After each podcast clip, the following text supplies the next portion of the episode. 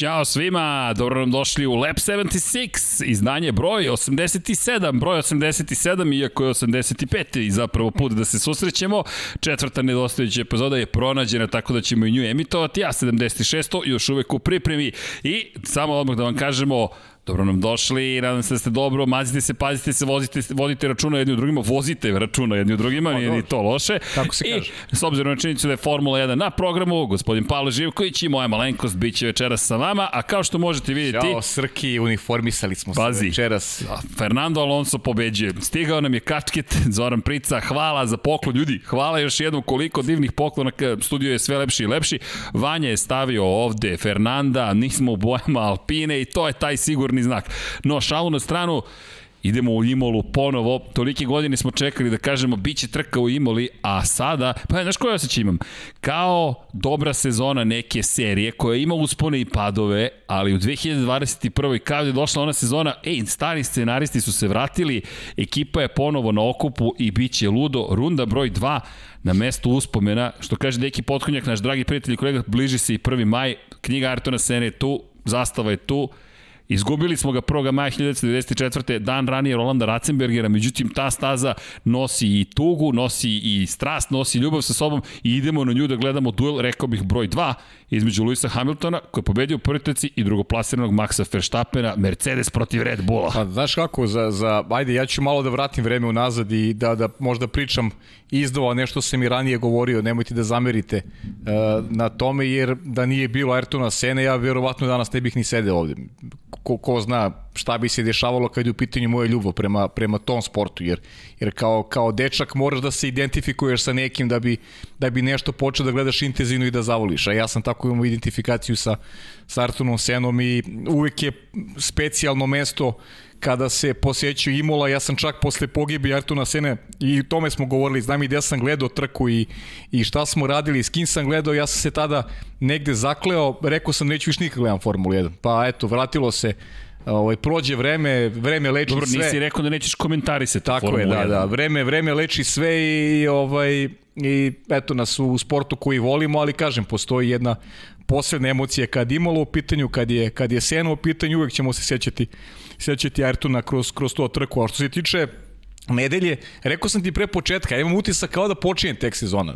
Kao, kao Tri da, nedelje kao večnost. Da, baš kao večnost. Baš je mnogo prošlo vremena, gotovo da sam i zaboravio šta smo radili onog prvog vikenda. Jako je trka bila fantastična, ali neki detalje već onako ne mogu da, da Ovi ne mogu da pričamo o njima jer mora bi da se podsjetim. Za, Evo, zaista, je, zaista radi. je davno bilo. Lewis Hamilton, pobjeda u Mercedesu, nije iznenađenje, mada jeste posle predsezonskih testiranja i činjenici da je Max Verstappen bio na pol poziciji, malo kontroverze, koje sjelazio sa staze ko nije šta je rečeno, šta nije rečeno, kako god rezultat je zabeležen. Valtteri Bottas zaboravljen, ali opet na pobjedničkom postolju uz najbrži krug trke na poziciji broj 3.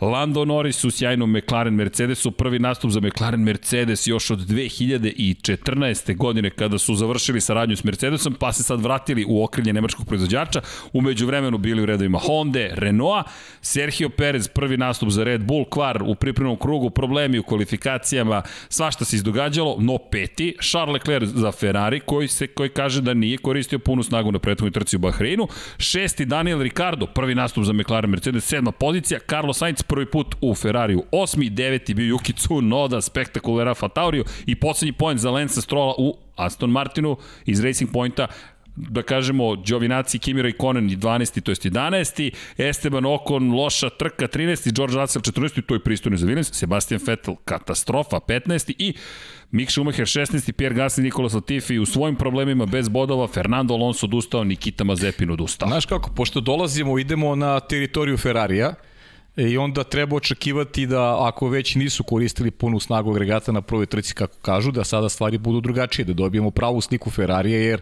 znamo da Ferrari ima obavezu prema domaćoj publici, ako publike neće biti da se na eto, jednoj domaćoj stazi pokažu u, u još boljem svetlu. Sad kolike su realne mogućnosti Ferrarija, čini mi se da ćemo spoznati ovog vikenda i dobiti malo više informacija o tim srednjim timovima, jer neki su razočarali, mislim da su imali...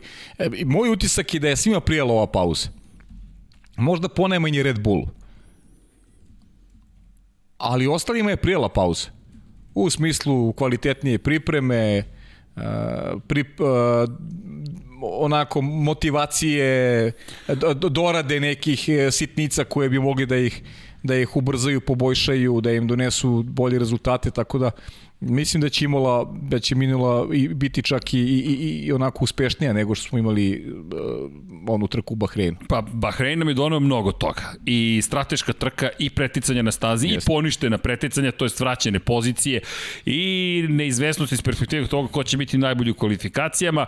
Mnogo toga smo videli, mnogo toga smo doživjeli, bilo je zabavno, ali kao što kažeš, Imola nekako i spektakularna, istorijska, puna uspomena i dobrih trka i nekih nevratnih preticanja i duele, duele iz prošlosti, vratimo se još u vreme Renaulta s početka 80-ih godina, imali smo zaista šta da gledamo na toj stazi i sada, prošle godine takođe jedna uzbudljiva trka, čisto Jest. se podsjetimo, Emilija Romanja nam je donala... Ne, vredi, vredi se podsjetiti. Dosta da. drame. Pobedio Lewis Hamilton, Valtteri Bottas bio na poziciji dva dvostruka pobjede za Mercedes, to je bilo jedno, to je bila jedna od želja.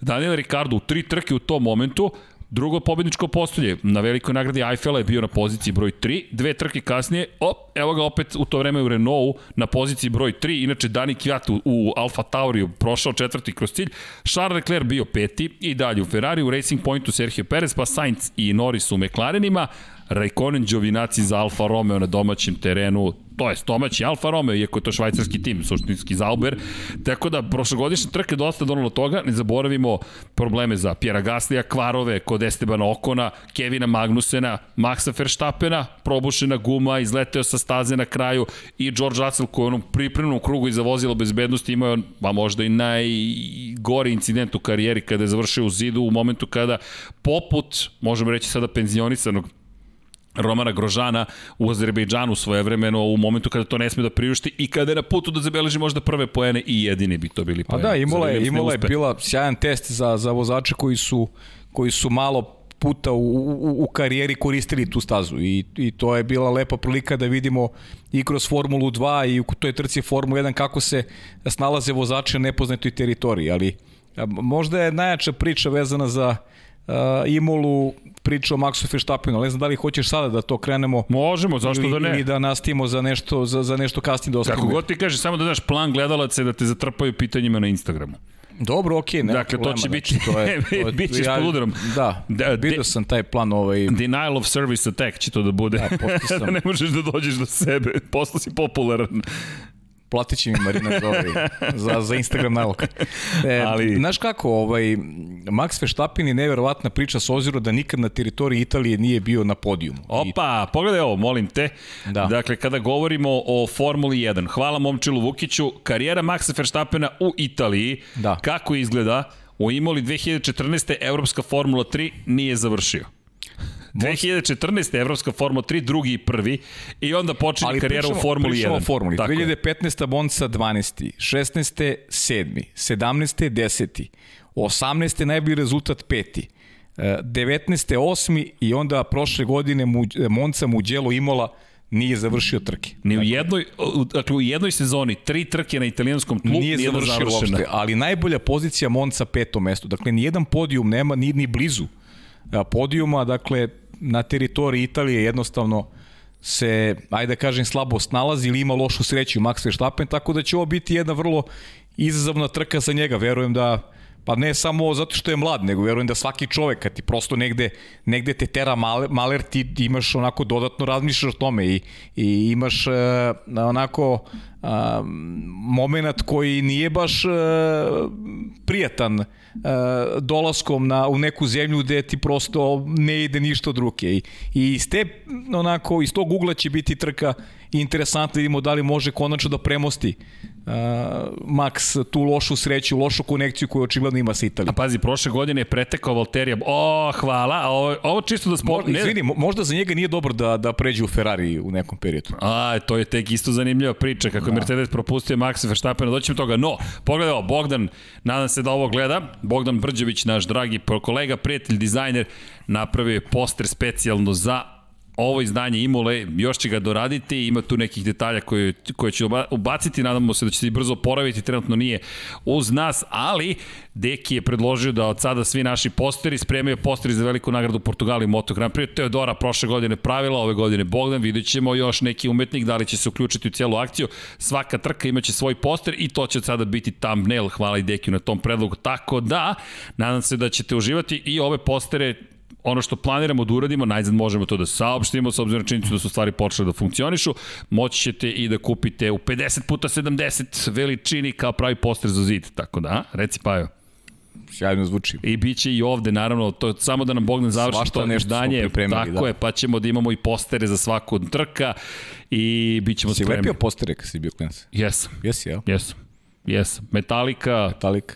A da, to je Moj najbolji drug. Korto Malteze. Metallica moj najbolji drug. Imamo najbolji drug. Pa da, Korto Malteze. Korto Malteze. Metallica, da, to, to su bili posteri. Ne mogu da setim još neki. Izbegao sam onu Bravo epizodu. Da, da, isto. Jason Donovan i slično. Da, da. Nisam u tom smeru išao. Mm. Europe eventualno, znaš. Dobro.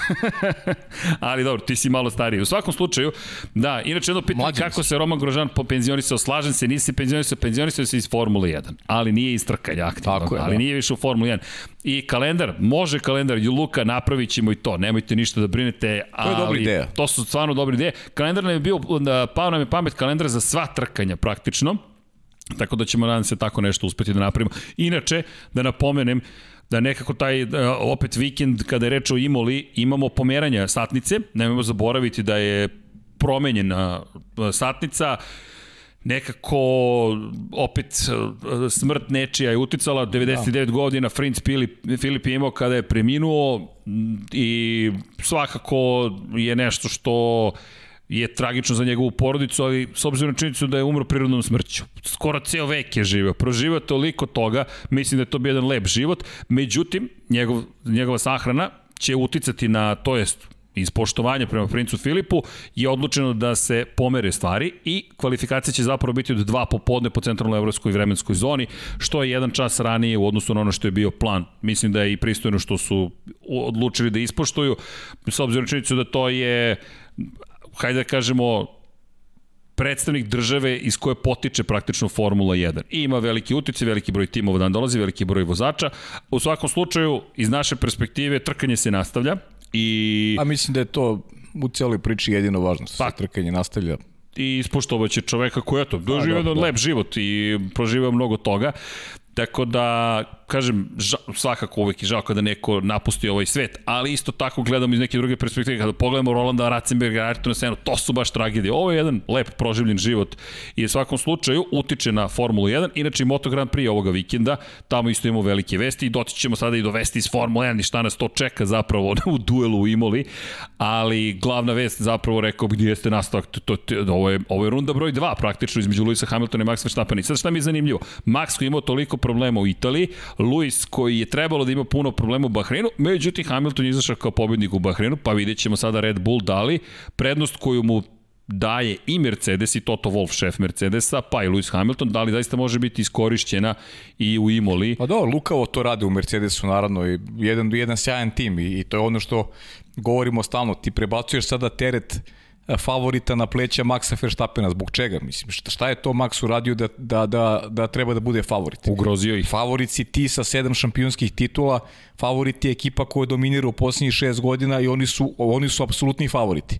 Znaš, e, prebaciti teret sada, to, to su psihološke igre i naravno to je legitimno pravo. Bitka. Bitka, tako je, i sad je na maksu da vidimo kako će da odreaguje. Pokazala je ta prva trka da on ima materijal da se bori sa Hamiltonom, to smo negde e, i pretpostavili i negde po, i po talentu Maxa Verstappena i očekivali u krajnjem slučaju, ali srđene sada se ulog menja. Sada više nije Max neko ko treba da vreba i senke, nego da uđe u otvoren e, duel sa e, Lewisom Hamiltonom. Nešto što je, ko, po, ko je posljednji put dobio otvoren duel sa, sa Lewisom Hamiltonom? Niko Rosberg.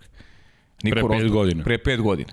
I ti treba u kontinuitetu sa, sa drugom ekipom, sa, sa drugačijim bolidem, sa drugim proizvođačem, da ti, sa, pritom Max koji je dalje vrlo mlad čovek, super talentovan, ali mlad čovek i dalje.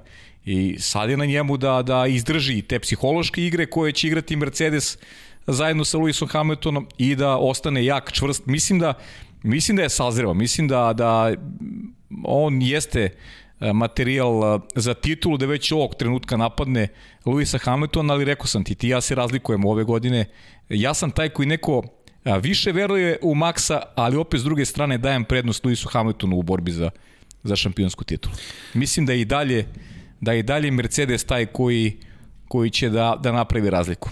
Tako je moj utisak bar. Pa Mercedes koji nastavlja da pokušava da smanji tu tehničku razliku koja definitivno postoji, to smo videli i na prethodnoj trci. Ono što će biti zanimljivo je prvi test u kvalifikaciji. Pola sekunde prednosti prošle godine imao na vrlo kratkom krugu. Minut 13 sekundi i zapeta 6 traja, trajao kvalifikacijani krug Luisa Hamiltona za pol poziciju. Maxi vozi 1.14.1. Dakle, pola sekunde. I tu ćemo videti prvi test. Inače, Mercedes je već i u prvoj trci povukao veliki broj poteza, ne bili smanjio taj zaostatak koji se video i imate sjajnu analizu na, na, na autosportu, zapravo kako pokušavaju da vrate taj, to, to što je izgubljeno praktično promenom pravilnika i izmenama na podu, pogotovo na zadnjem kraju. Za sada to im nije u potpunosti uspelo, ali su dobili stratešku bitku na kraju i ta povučenost Red Bulla u agresivnosti da povuče određene riskantne poteze kao da je pomogla. Kako ne? I, i, i ja mislim da je u, u, postojećim okolnostima gde je Red Bull imao prednost 40 tinke u kvalifikacijama, mislim da je jedino Lewis Hamilton mogao da, da, da pobedi Maxa Verstappena u, u, u takvoj trci. Da nijedan drugi vozač ne bi mogao da, da pobedi Maxa u, u, u Bahreinu i da je upravljao Mercedesom. To je, to je moj utisak.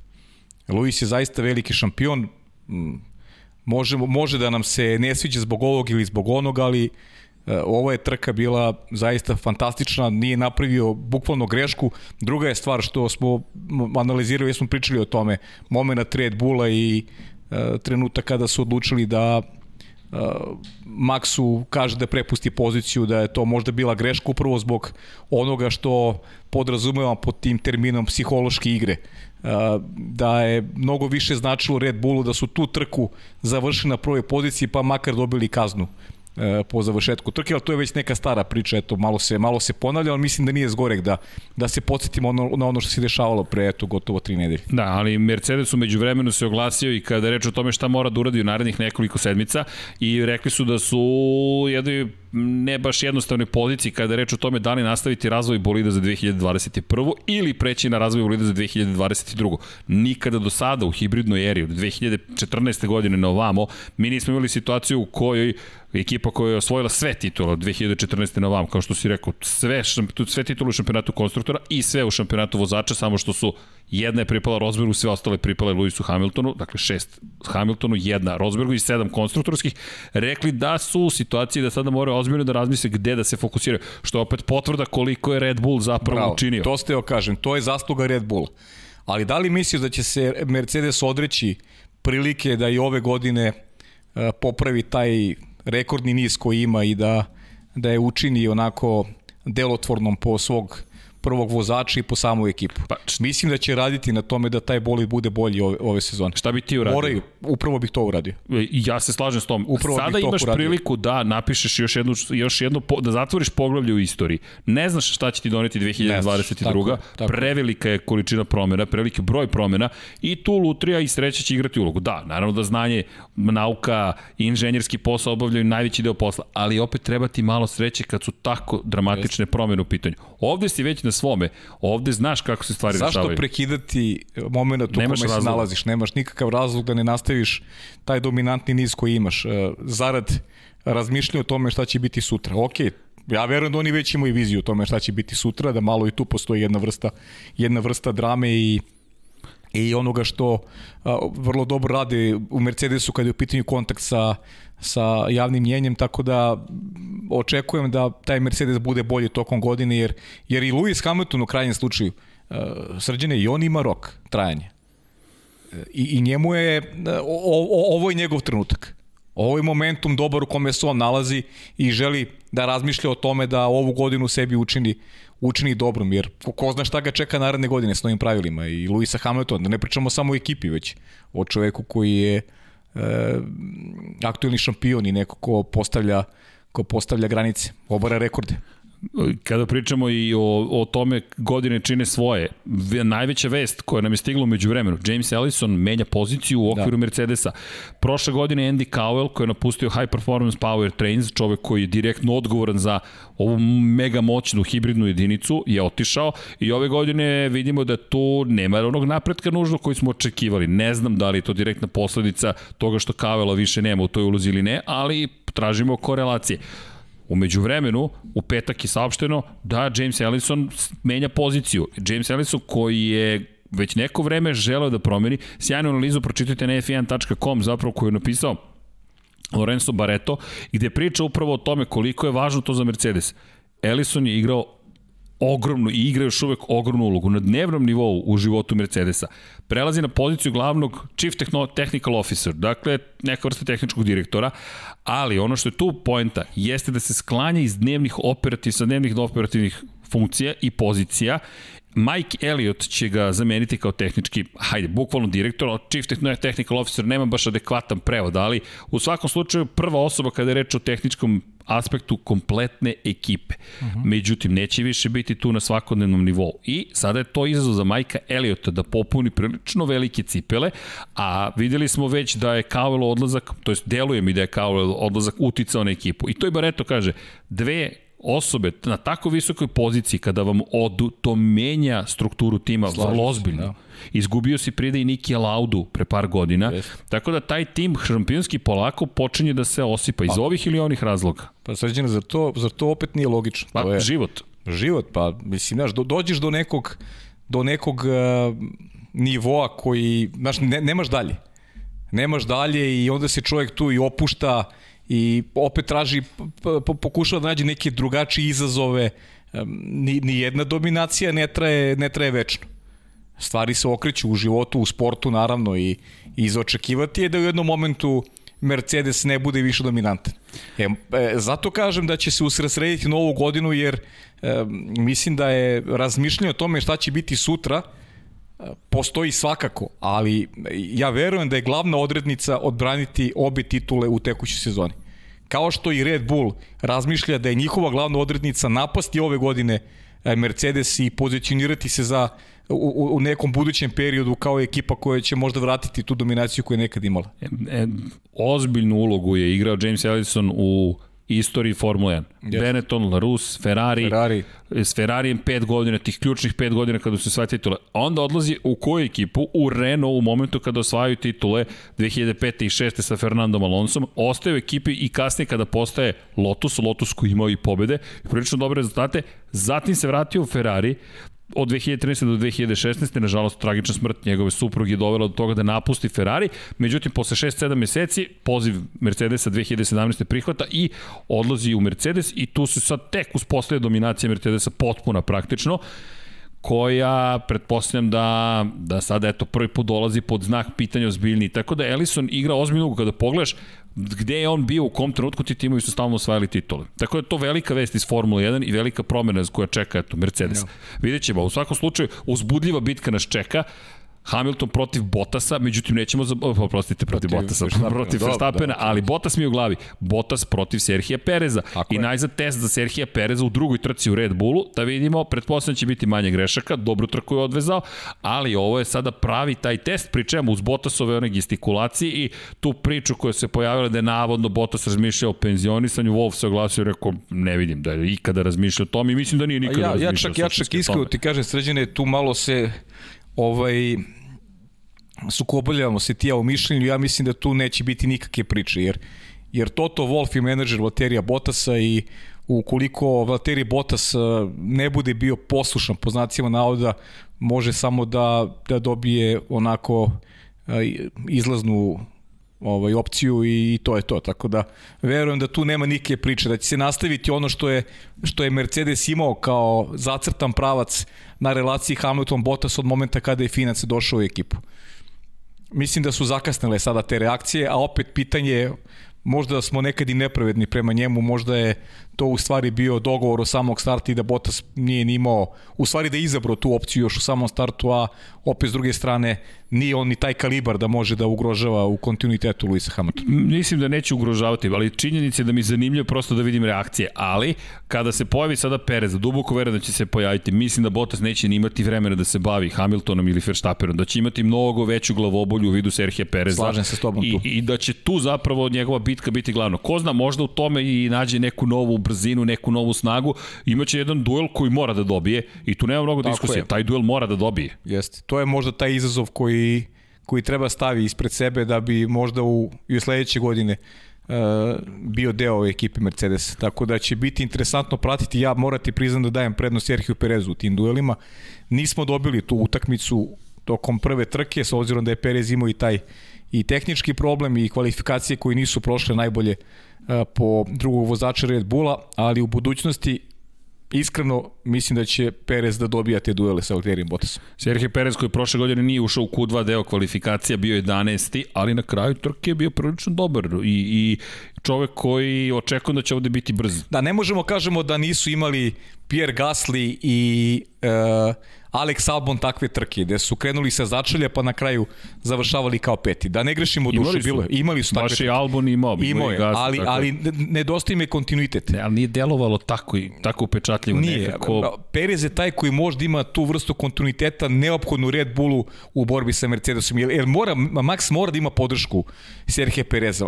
Mora i Red Bull da ima opciju e, šta da uradi sa dvojicom vozača tokom trke. Kako da se ponaša kad je strategija u pitanju. Kad imaš dvojicu vozača, sve ti je lakše.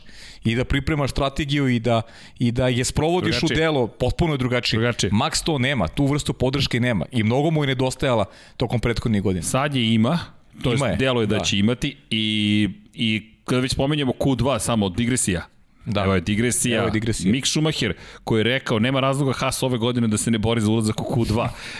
Okej, okay. Poštujem, poštujem Lepo, da. stav. Da. Mada se nije proslavio Imoli prošle godine, ako se ja dobro sećam, Imola ili Mugello, ja ne, mislim ne, da Imola da baš da zataju. Da. A ja mislim da Imola baš, a, a to je to, znaš, ti mladi momci koji nisu imali kontakta sa tom stazom, nešto mi se čini da baš Mik nije odradio posao kako treba u Imoli, ali možda, možda se varam, proverit ćemo.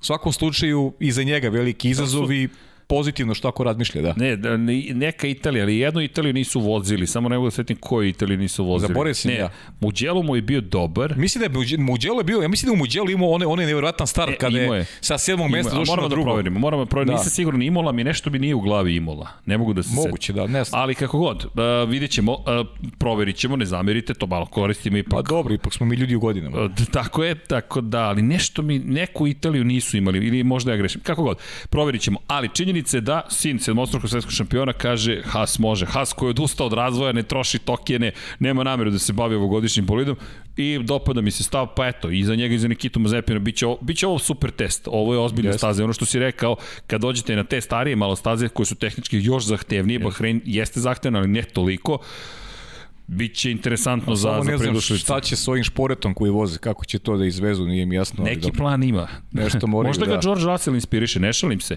Možda da. Russellova ta vožnja u Williamsima inspiriše, u Williamsu inspiriše druge da kaže, ej čekaj, ako uđemo u Q2, to je dokaz nečega. Možda je to cilj za Mika Schumacher. Uđeš u Q2, u Hasu, ti si već pokazao nešto ozbiljno. Pa, mislim, Russell mora da ih inspiriše, ali ne znam da li mogu da pobede ovog drugog. Ne znam, vidjet ćemo. Da. vidjet ćemo, ali bit će zanimljivo. To e, je... znam, izvini, da nisu treći u šampionatu sveta, to jest da bi možda trebalo da pričamo pre svega o McLarenu. Ali, i opet će, možda će se naljutiti McLarenice, ne zamerite, ali idemo na stazu koja se zove Enzo i Dino Ferrari. I Ferrari dolazi na domaći teren, Ferrari koji, kao što smo rekli, je jedan od podnaslova koje smo spremali, na kraju smo odustali od podnaslova je bio novi Ferrari, Ferrari novi početak. Ukoliko, to što je Matija Binoto je rekao, moj vidiš teram malo na vodenicu koju pa sam da, najavio. Da, pa da, znam, vidim šta radiš. godine. Vidim šta radiš. E, ali vidi, obukao sam plavu majicu, vidiš sve u plavim tim tonovima nežnim, da. ali činjenice da duboko verujem da dalje Ferrari nešto ima. Prošle godine Charles Leclerc ovde ušao u Q3 deo kvalifikacija, ne zaboravimo. Vettel je bio 15. što je bilo iznenađenje. U tom momentu ući u Q3 je bio uspeh veliki za Ferrari, Jeste, jeste. ali uspeo u tome i nije bio loš na trci, odbranio su Serhije Pereza, poziciju pet je zauzeo na kraju, to nije nešto čemu Ferrari treba da stremi, ali onakav Ferrari... U, u Muđelu je bio loš. U Muđelu je bio loš, da. U Muđelu izgledao kao kante, zaista ono, Da, preticali su ih svi po Leclera. Dobro je startovao, ali onda u trci je baš izgledao loše. Evo, Vanja mi šalje, pod, pogledaj, Muđelo, peti i četvrti je bio Mik prošle godine, ali u Muđelu imao ne U sjajne startove. e, da, u a je bio dobar, u Muđelu je bio dobar, da, bravo. Bio- Ali uh, moramo da pogledamo i Monca šta je uradio.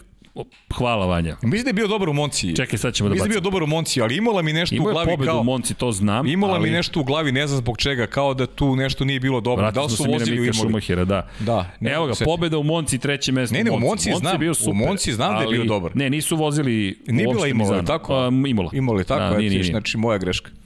Dešava se. Pa ali pokušavamo da na pamet se setimo nekih stvari. No, da se vratimo na Ferrari. Ferrari koji, eto, kaže da ima dodatnu snagu u toj pogonskoj jedinici, pa da vidimo da li zaista tako stvari stoje. Delovali su prilično dobro na prethodnoj trci. Jesu, jesu. Ukoliko na domaćem terenu mogu da postignu dobar rezultat. To je, to obećava za 2021. E sad šta je problem? Mi spomenuli smo već četiri imena koje moraju da se bore za plasman na pobjedičko postolje. Da li Ferrari, pa i McLaren, Mercedes mogu da pobede Red Bull i Mercedes u Mogu direktnom samo duelu. ako se tako pokolju, po znacima navoda Mercedes i Red Bull, da da tu bude nekih ovaj momenata u kojima neće završavati trke. A da li ti miriše A- a- da može to da se desi? miriši mi da će to da se dešava često. Pazi, Imola je uska staza. Tako je. Ovde nema mnogo prostora A za manevar. si, video si, Max neće prezati od onakih manevra, neće ni Lewis, siguran sam. Neće, ne, ne, mislim da je Jer to, je, Hamilton... to je sad, pa, pa to je, znaš kako, Mislim da je svestan da ovde mora su- biti agresivan ove godine. Veliki šampioni. Sad pričamo, ma, Max bit će šampion sigurno. Ima veliki ego i on, mladi čovjek, ali ima ego, hoće da pobedi, hoće pobedi najvećeg. E, Lewis Hamilton koji hoće da se, hoće da pobedi momka koji preti da ugrozi njegovu dominaciju. Dakle, gledat ćemo sigurno žestoke okrše. Pogotovo što su oba vozača poznati kao onako da kažem kako bih koji bih izraz upotrebio uh, hrabri i, i dovoljno ludi po znacima navoda da se upuste u neke manevre koje možda drugi vozači nemaju taj taj nerv i nemaju osjećaj kada kada i kako napasti uh, rivala koji se nalazi ispred njih.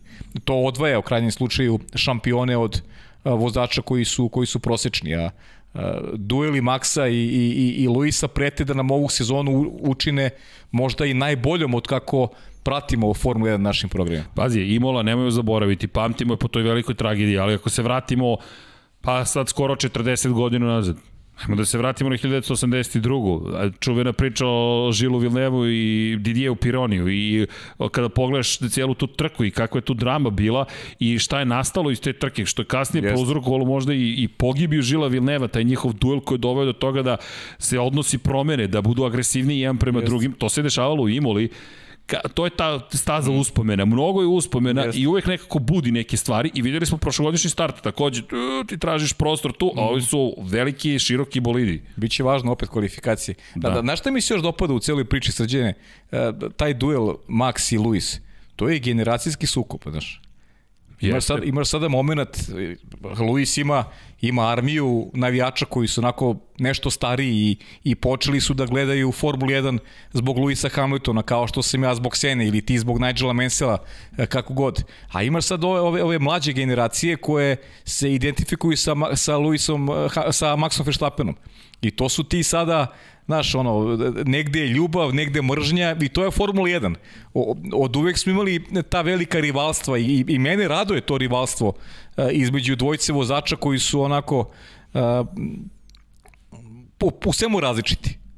Imam utisak da su u svemu različiti, a, a, a opet dovoljno dobri, dovoljno brzi da nam priušte spektakl. Vrati smo se ti ja na Hamiltona i Verstappena, ne, Pa ne dobro. vredi, sve vuče Pa gravitira naravno, ka toj priči. pa, pa re, realno, to je priča. A to je prelepo, to, je, je to je taj duel koji smo hteli. Tako je, to je priča. A, a Imola, u Imoli se uvek, svašta, uvek se nešto zabavno Pa do, dogodi. možemo da se prisjećamo Pa može, momenta istorijskih. 1985. Mo- Možemo 5 sati potrošimo na to. pa ne, to. ali, ali 85. isto, Elio De Angelis, nemojmo zaboraviti Da. njegovu pobedu. Ne znam ko je sve ostao bez goriva i prosto Prost bio pride diskvalifikovan, ne bili njemu pripala pobeda. Opet, Imola. A, da, idemo nazad u tu predivnu Imolu, idemo da se zabavimo, ali da mi nastavimo dalje. Koliko imamo mi tu još dosta priča. Ok, četiri pozicije, tu je već gužva. Onda dodaš Charles Leclerc, dodaš Carlosa Sainca, njegova druga trka u Ferrariju, gde mora još bolje da se, mora bolje da se pokaže. Bio je super do Q3. E sad, tu postoje, nastoje problemi. Ne možeš da budeš dobar u treningu 1, 2, 3 i u Q1, Q2. Moraš da budeš dobar, to je najbolji u Q3 i da. trci. Da. Ali ti, ja mislim, ti, ti imaš veliko očekivanje od Carlosa. Možda prevelika. A, a i prevelika. A ja mislim da je Carlos odradio dobar posao. Ne, ne, ti rekao ja da je loš. Mislim da, Samo... mislim da je to to. Znaš, za, za neki standard u kome se Ferrari trenutno nalazi, mislim da je on uradio vrlo korektan posao. Jeste. I kažem ti, ja zaista mislim da je tu Charles Leclerc broj 1 što je pokazao u, ne, u kritičnim momentima pa to je u to. kvalifikacijama i kasnije u, u trci. U Q3, u Q3 delu kvalifikacije. Tako je. U kritičnim momentima je pokazao da je on taj je on trenutno. Taj, tako je. E sad, naravno da, da srđene to može da se okrene, jer ti, ne, Carlos Sainz, uh, moj, staj, moj stav je da je možda došao prebrzo u Ferrari. Ali ok, to je samo moj stav.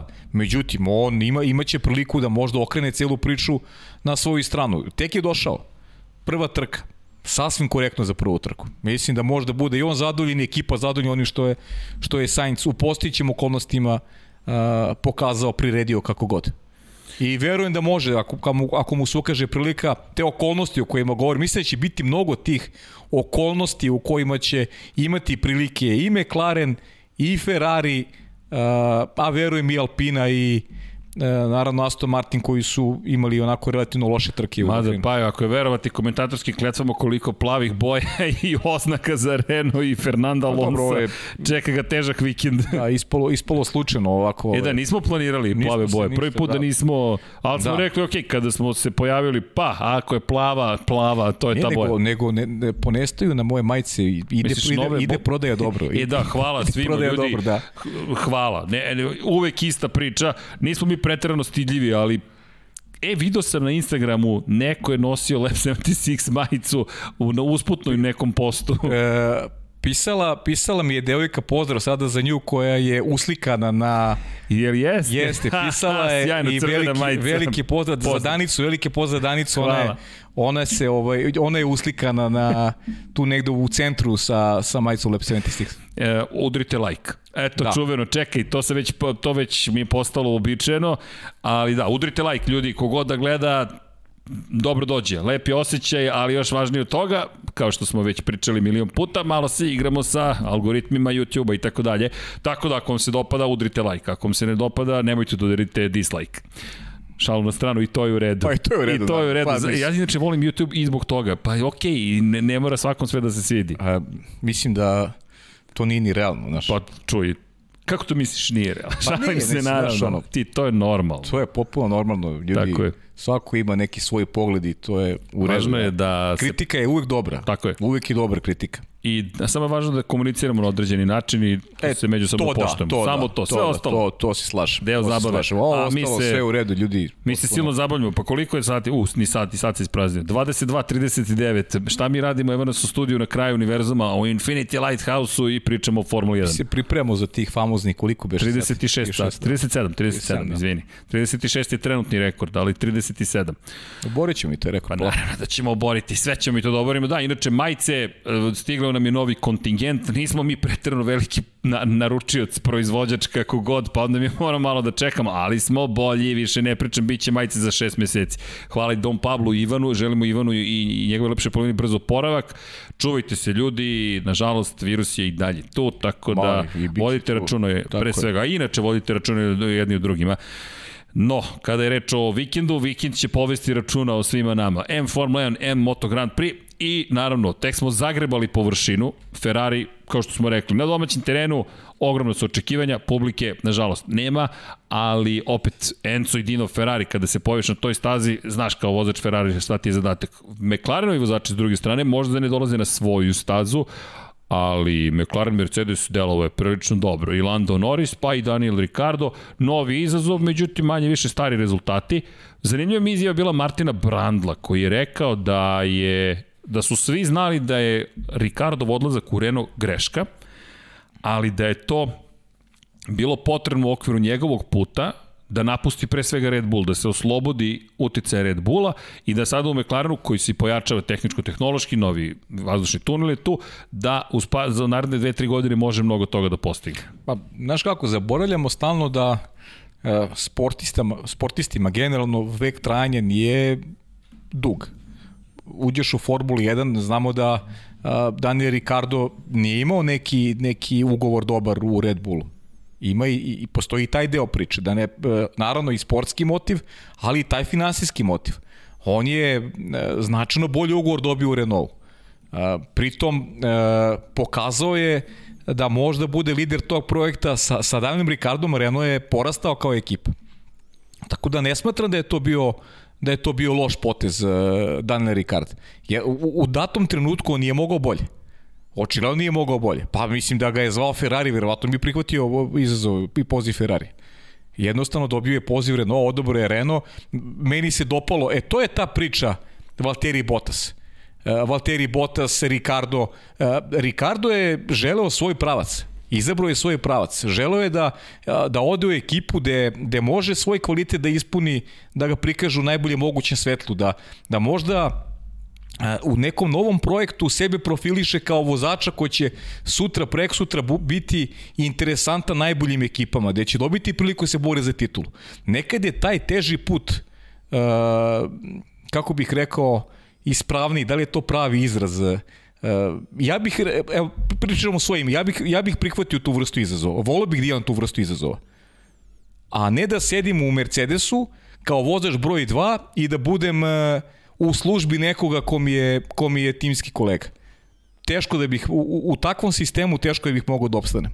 E, I zato je meni taj potiz Ricarda e, onako motivisan negde sportskom pričom, a opet s druge strane ima i tog momenta finansijskog, jer on u Red Bullu nije imao ni tu vrstu uh, da kažem statusa, nije dobio odgovarajući novo za ono što je njegov kvalitet.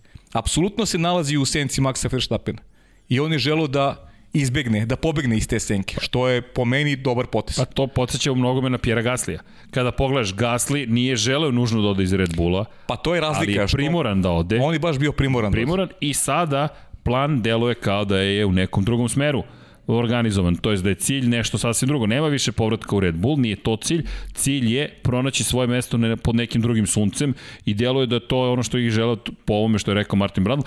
Ne bih nužno rekao da je greška što otišao u Renault. mislim da je možda ono što Mislim da iznenadilo mnoge jeste uspeh Renault u drugoj polovini 2020. godine, uključujući Daniela Ricarda, to je negde rekao i u Netflixovoj trećoj sezoni, kada je reč o Drive to Survive serijalu, pogledajte obavezno do, topla preporuka, bez obzira i na preveličavanje ljudi, to je, to je A, televizijski dobro, spektakl, to, to za cilj nema dokumentarnu samo vrednost, već naravno. pre svega da pa je privuče publiku. pa publiku, tako je, delim pre svega za na Netflix, a potom i na Formulu 1. I mnoge stare gledalce vratio Formulu 1, s druge strane neke nove privukao, tako da jedan deo posla i tekako ozbiljnog je obavljen. No, Ricardo je tu rekao da, da deluje da je sad pitanje da li je povukao pravi potez u momentu kada je već otišao. Ok, McLaren daleko toga da je loš, naprotiv, samo što opet ta priča Renault, gde će ići, šta će ići, zanimljivo je u svakom slučaju to pratiti Daniela Ricarda, obećava i taj njegov duel sa Landom Norrisom, da ne ponavljamo previše samo ono što smo već istakli, rekao je nema nameru da stavi zabavu između njih dvojice na prvo mesto, već prvo da se reši pitanje performansi, sam na svome i onda je protiv klubskog kolege, pa tek onda dolazi deo zabave što je i sasvim normalno, pogotovo u ovako konkurentnoj Formuli 1, jer ne zaboravimo, bi pričamo o tom duelu Red Bull Mercedes, I Sergio Perez je rekao za taj duel Imola će pokazati mnogo više. Ok, to je ono što priželjkujemo za sam vrh. Međutim, taj duel Ferrari, McLaren, McLaren koji deluje da ima prednost, međutim, ako Ferrari napravi taj korak, tu su. Alpina koja je rekla da donosi nove aerodelove za ovu trku specijalno, gde se i Fernando Alonso nada da su svu lošu sreću iskoristili u Bahreinu, nisam siguran da će opet napraviti adekvatan korak, ali opet, već sada ti dobijaš nove delove, koliko je konkurentna Formula 1 u ovom momentu. Da. Zato mislim da ni Norris, koji je bio odličan, ne zaboravimo, Norris je četvrti prošao kroz cilju Bahreinu. Pa najbolje moguće, mislim, najbolje nije moguće. mogu da izvuče bolje. A bio je nevidljiv, televizija ga nije prikazivala, režiser ga je pa, prikazivao vrlo redko, nimao šta da prikaže, usamljenog vozača na stazi koji radi jest, svoj posao. Jeste, pa Znaš kako, to, sad Ferrari e, nisu izvukli maksimum, znaš, ne znamo koliki je taj maksimum i koliko oni mogu više od, od onog što su pokazali u Bahreinu. To su sad te neke zamke koje, koje nam e, provlače kroz izjave e, ljudi koji su u timovima. Mi stalno očekujemo, znaš, neko ko navija za Ferrari očekuje da, da je taj maksimum e, dovoljno dobar da se bore sa Red Bullom i sa Mercedesom, a ja sam ti rekao, meni, čini mi se da, da oni ne mogu ove godine sa McLarenom. Meni tako deluje, da je McLaren neka priča za sebe, oni su taj ta ekipa koja će najviše koristiti svađu između, između Mercedes i Red Bull. Ej, vidi, Vanja je podigao priču na viši nivo, prosti, ali šalje mi sada suflira, šalje informacije kroz Slack, Ferrari je pobedio dva puta u Italiju 2010. Leclerc 2019. Alonso 2010. to je Monza, a pre toga Schumacher 2006.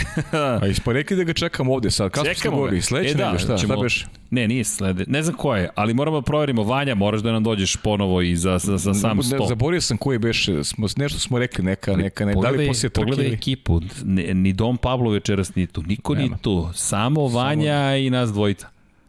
Tri to je, jao, šta sam zaboravio. Ljudi, Danas je 13. april. Jao, jeste, bravo. I jao, jao jeste, prošle jeste, godine jeste. nije Lab 76 otvorio, ali Wish and Go 13. aprila 2020. godine prvi, prva emisija snimljena u Infinity Lighthouse produkciji, to jest u studiju na kraju univerzuma. Ko ne zna, pogledajte Wish and Go, Više vratite studiju. se, 13. tako je u onom prvom studiju, na onom drugom kraju pa univerzuma. Pa dobro, ali ti si, e, koji je beš datum kad si uradio onaj, onaj prvi Lab 76? To je bio Tad smo bili u studiju. Oktobar, da, to je bio oktobar 2019. 2019 da. Jeste, i snimili smo četiri epizode i onda nam je Maverick Vinales bio prvi gost za Lab 76 u novom studiju i Maverick Vinales nam je otvorio zapravo novi studio za Lab 76. Ali eto, prođe cijela godina, neverovatno, da, neverovatno ovako prolete. Moram da im kad smo imali prvi Lab 76 u studiju. Nešto Vanja opet mi šalje Mo, izgleda. Moguće da već znao, da ne, zna. Ne, Vanja, Vanja je, sufler je tu.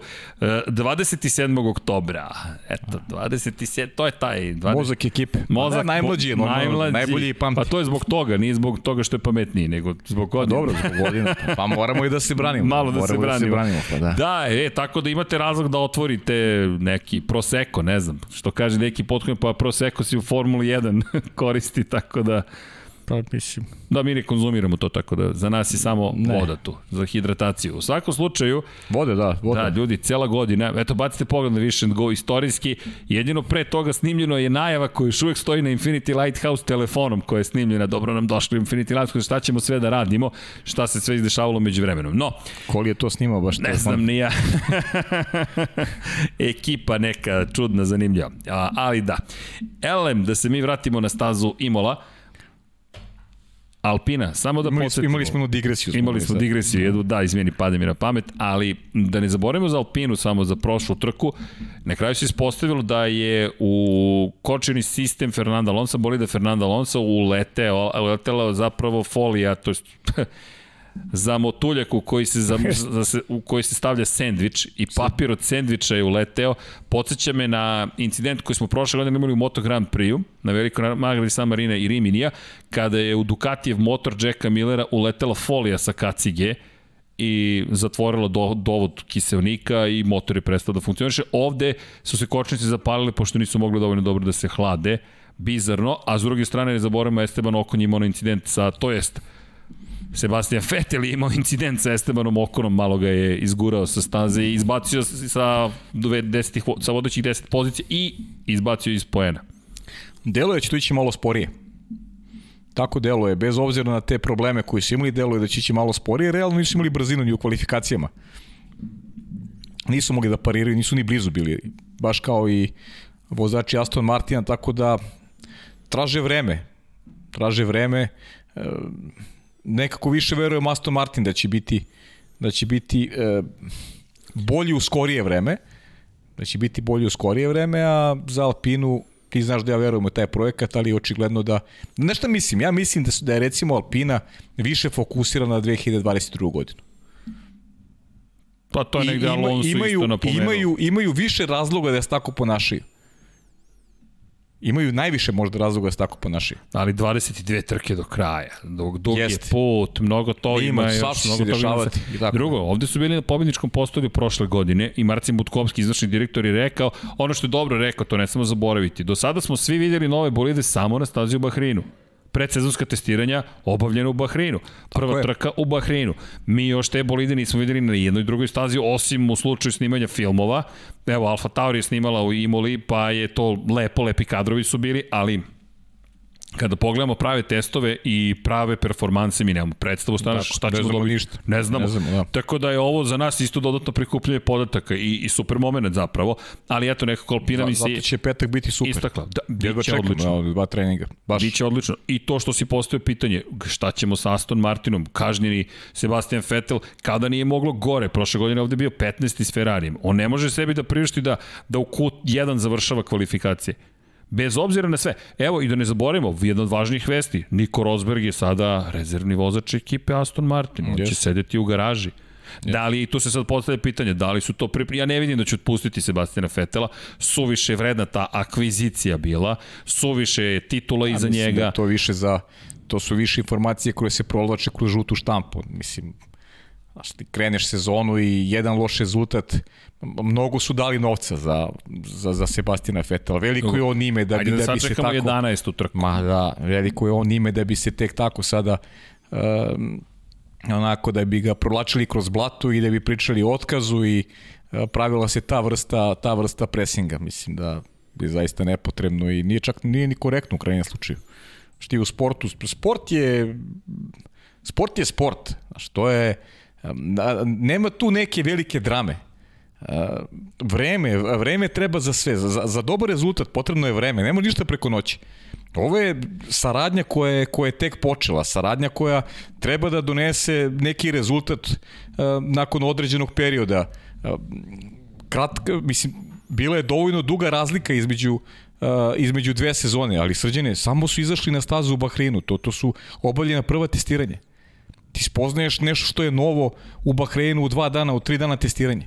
Ideš prvu trku i, mislim, ima dovoljno vremena da se stvari promene. Ne, ne, bih, ne bih dramatizovao a, ništa ovaj, vezano za bilo kog vozača, jer potrebno je vreme da dobijemo pravu sliku. Bićemo strpljivi. Lance Stroll je pa prve druge, poene da. i čekamo. Lance Stroll koji je dobro izgledao, bio je rame uz rame. Postavila se neka suluda priča, navodno kako su doveli Sebastiana Fetela na zalasku njegove karijere da bi ga pobedio Lance Stroll i tako porodice Stroll dokazali da Lance dobro trkač. Ludilo. Ja, ja, ja moram priznati da koliko pa, god da. to zvučalo kao nešto to je potpuna besmislica. Lance Stroll nema ni potrebe ništa da dokazuje. Gde si vidio tu priču? Bila je neka vest da. se pojavila, ne znam ko je izneo kao teorije, analizu. Nismo, Ma, znači, samo mi ovde na ovim prostorima skloni teorije zaver, ima svuda ima ti. Dečko je osvojio pol poziciju, bio više puta na pobjedničkom postolju, bio je dobar i u nižim kategorijama, tata mu je super bogat, pa zar to nije pozitivno u celoj priči. Da, da omogućio mu je da ima otvorenije mesto u Aston Martinu, pa šta sad? Dečko je svoje poene u trci Formula 1, dovoljno, deseta pozicija bio jeste bolji od Sebastiana Fetela i idemo dalje. Držimo palče, nas će kanadjani biti brz, ali činjenica je da Aston Martin nije počeo sezonu na kako su želeli. Ne možeš da osvojiš jedan poen u trci i da se nadaš da ćeš odbraniti četvrto mesto u šampionatu konstruktora. To opet zavisi toga kako postaviš ta očekivanja, da li ih postavljaš nekoj realnoj bazi ili ne. Naše očekivanja, naš, uh, čudna je, čudna je to priča. Sve, sve zavisi od percepcije. Da li, je, da li Aston Martin vidiš kao ekipu koja ima potencijal da bude u vrhu ili je neka realna priča četvrto, peto mesto u konkurenciji? O, pa da. oni, oni će realno da se uključiti u borbu za četvrto, peto mesto.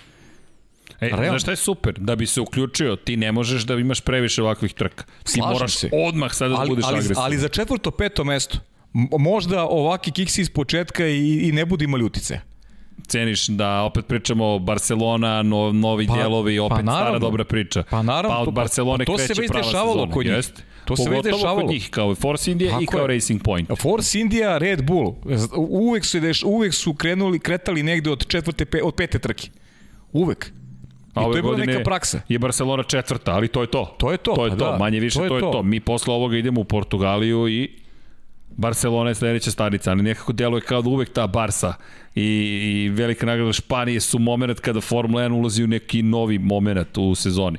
Mada, evropski deo sezone je počeo, nećemo se mi zaustavljati. Ja se nadam da nećemo se zaustavljati kada dođe vreme za Singapur, ali do tada smo relativno miri, mada se postoje pitanje šta će biti sa velikom nagradom Kanade, tu se traže dodatne pare. Strpljenje je mnogo važna stavka u sportu. Ako veruješ u neki projekat, moraš da istrpiš i loše rezultati, i pritisak generalno. javnosti. Ja sad pričamo o sportu, ali naravno i u životu.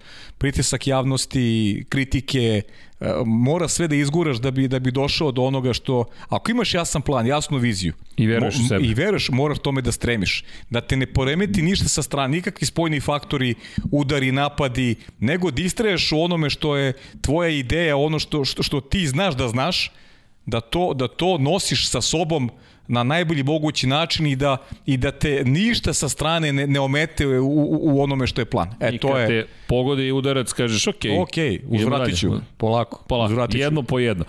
Ali da, Aston Martin zanimljivo će biti ta priča, pogotovo taj dolazak sada Sebastijana Fetela u na bilo koju praktično stazu, da vidimo ta poređenja s Ferrarijem, jer duboko verujem da, da tu tinja i ta potreba da pokaže i Ferrariju šta, šta još uvek može. Još nije pokazao, ali, ali tu je. Yuki Tsunoda je međutim pokazao, u Alfa Tauriju već govore da povratne informacije Yuki Tsunoda koje im daje utiču na razvoj bolida. Meni to fascinantno. Tek ta priča koja dolazi iz Alfa Taurija, da je Yuki Tsunoda već sada neka vrsta razvojnog vozača je još impresivnija od devete pozicije u prvoj trci u karijeri tri šampiona je pretekao u prvoj trci, sada se priča o tome da se od njega očekuje, ne samo to, nego da, da menja bolid i Helmut Marko se glasio jedan od glavnih ljudi u Red Bullu, rekao je pa očekujem da bude na pobedničkom postolju. Nekad je, nekad je zaobir bio meka za te mlade vozače, a sada saradnja sa Francom Tostom možda bude od vitalnog značaja za svakog klinca koji želi velike ambicije u, u Formuli 1 i mogo bi Franc Tosti od Juke Tsunoda da napravi onako lep projekat za budućnost. U sigurnim je rukama. Povratne informacije su dobre, Honda bolje nego prošle godine, samim tim će i ekipa da funkcioniše na kvalitetni način. Pierre Gasly opet lestvica očekivanja podignuta s punim pravom kada je on u pitanju. Pa, sa pažnjom čekam zaista. Prošle godine četvrti u kvalifikacijama ovde bio, u Alfa Tauri. Jeste. Gasli je odvezao spektakularne kvalifikacije. Kad se vratimo godinu unazad, kada pogledamo rezultate, Gasli je jedini koji je prišao onome što su radila vodeće trojice. Biće, biće trka ove godine, gde će možda Red Bull, Red Bull, poznacija, imati uh, trojicu vozača koji će moći da pariraju Mercedesu. Ceniš i Gasli ili Cunoda? Cenim ček, i Gasli. Ček, Cenim i Gasli. Da, Gasli, loše je ta bila prva trka, ali ovo izdanje biće... I znaš što kažem prošle godine da je Na srednjim jedini... tvrdim gumama se plasirao u Q3 u Bahreinu.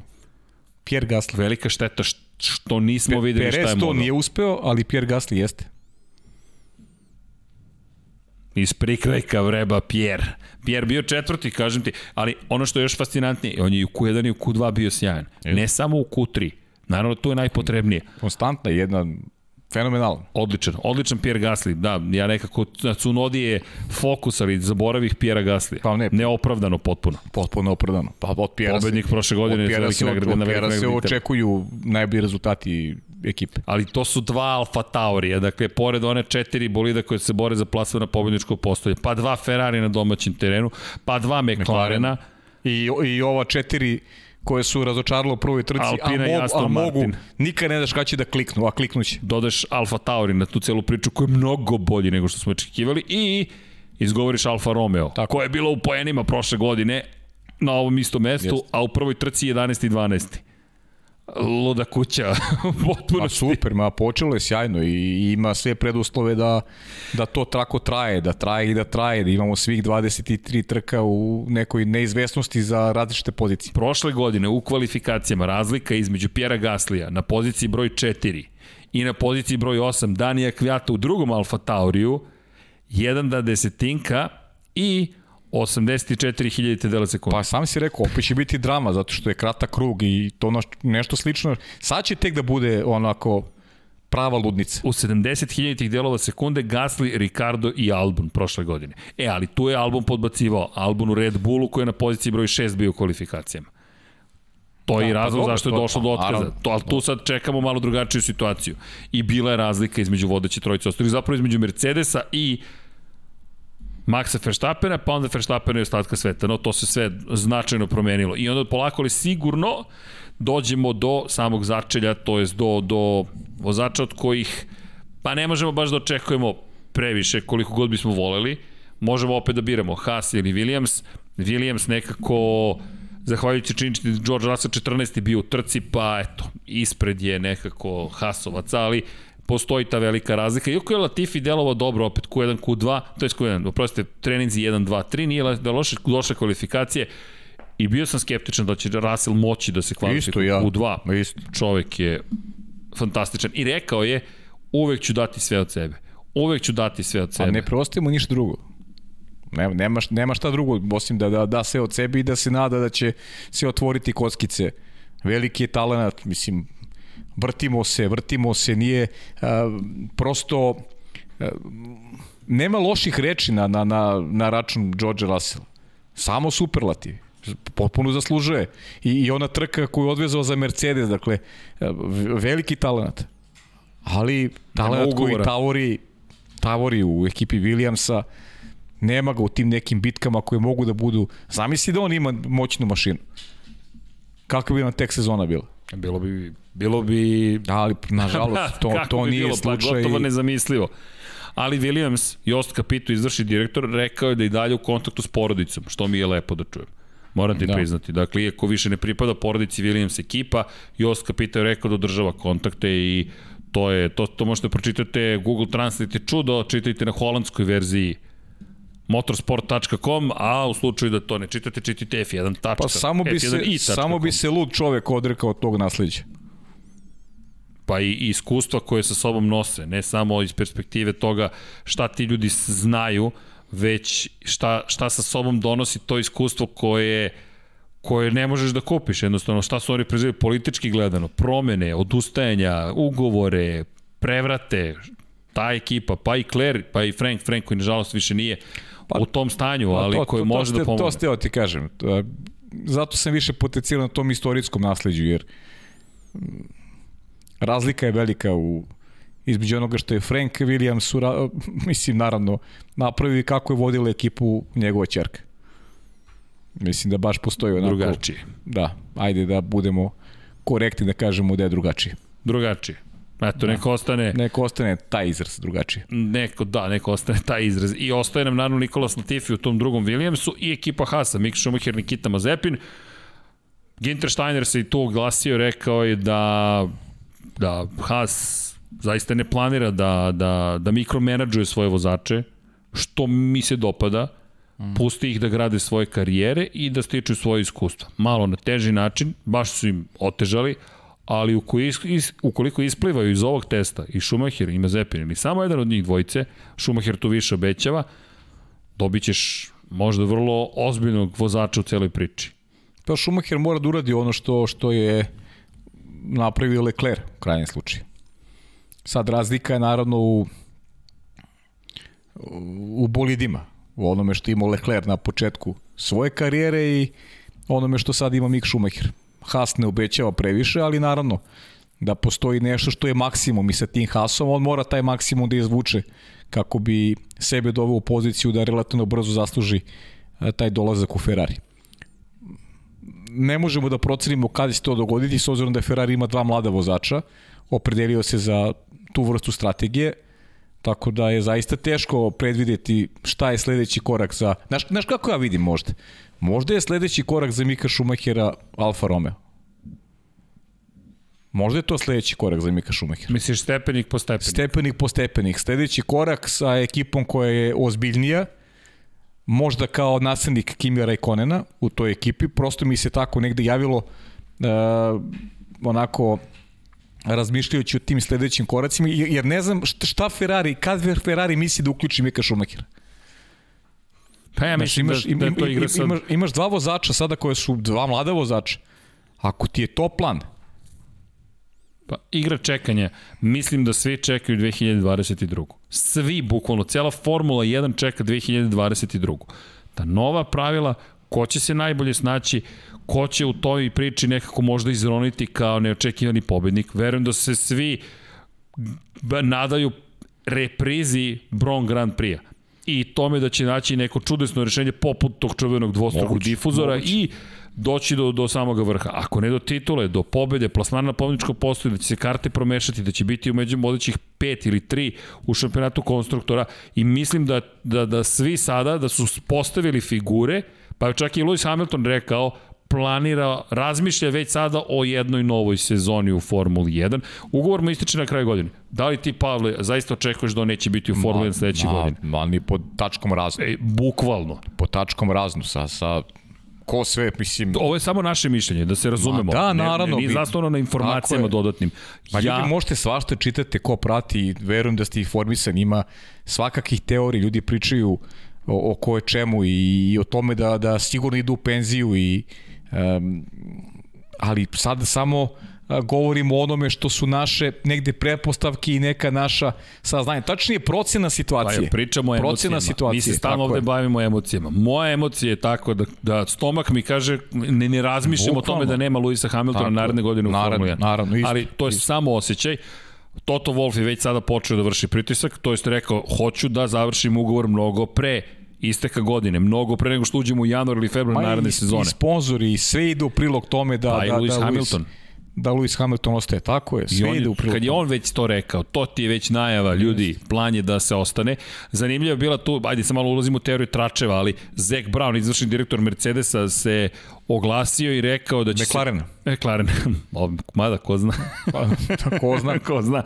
Dakle, McLarena, da inače rekao da je Andreas Zajdl najbolji menadžer ekipa u Formuli 1. Mislim da se tamo rat trenutno vodi ljudi na svakom nivou. Svaka izjava, to je kao deca, ali mnogo ozbiljnija. Šalje se poruka o kampu preko puta, pored vas i tako dalje. Ide tuča sada potpuno otvorena.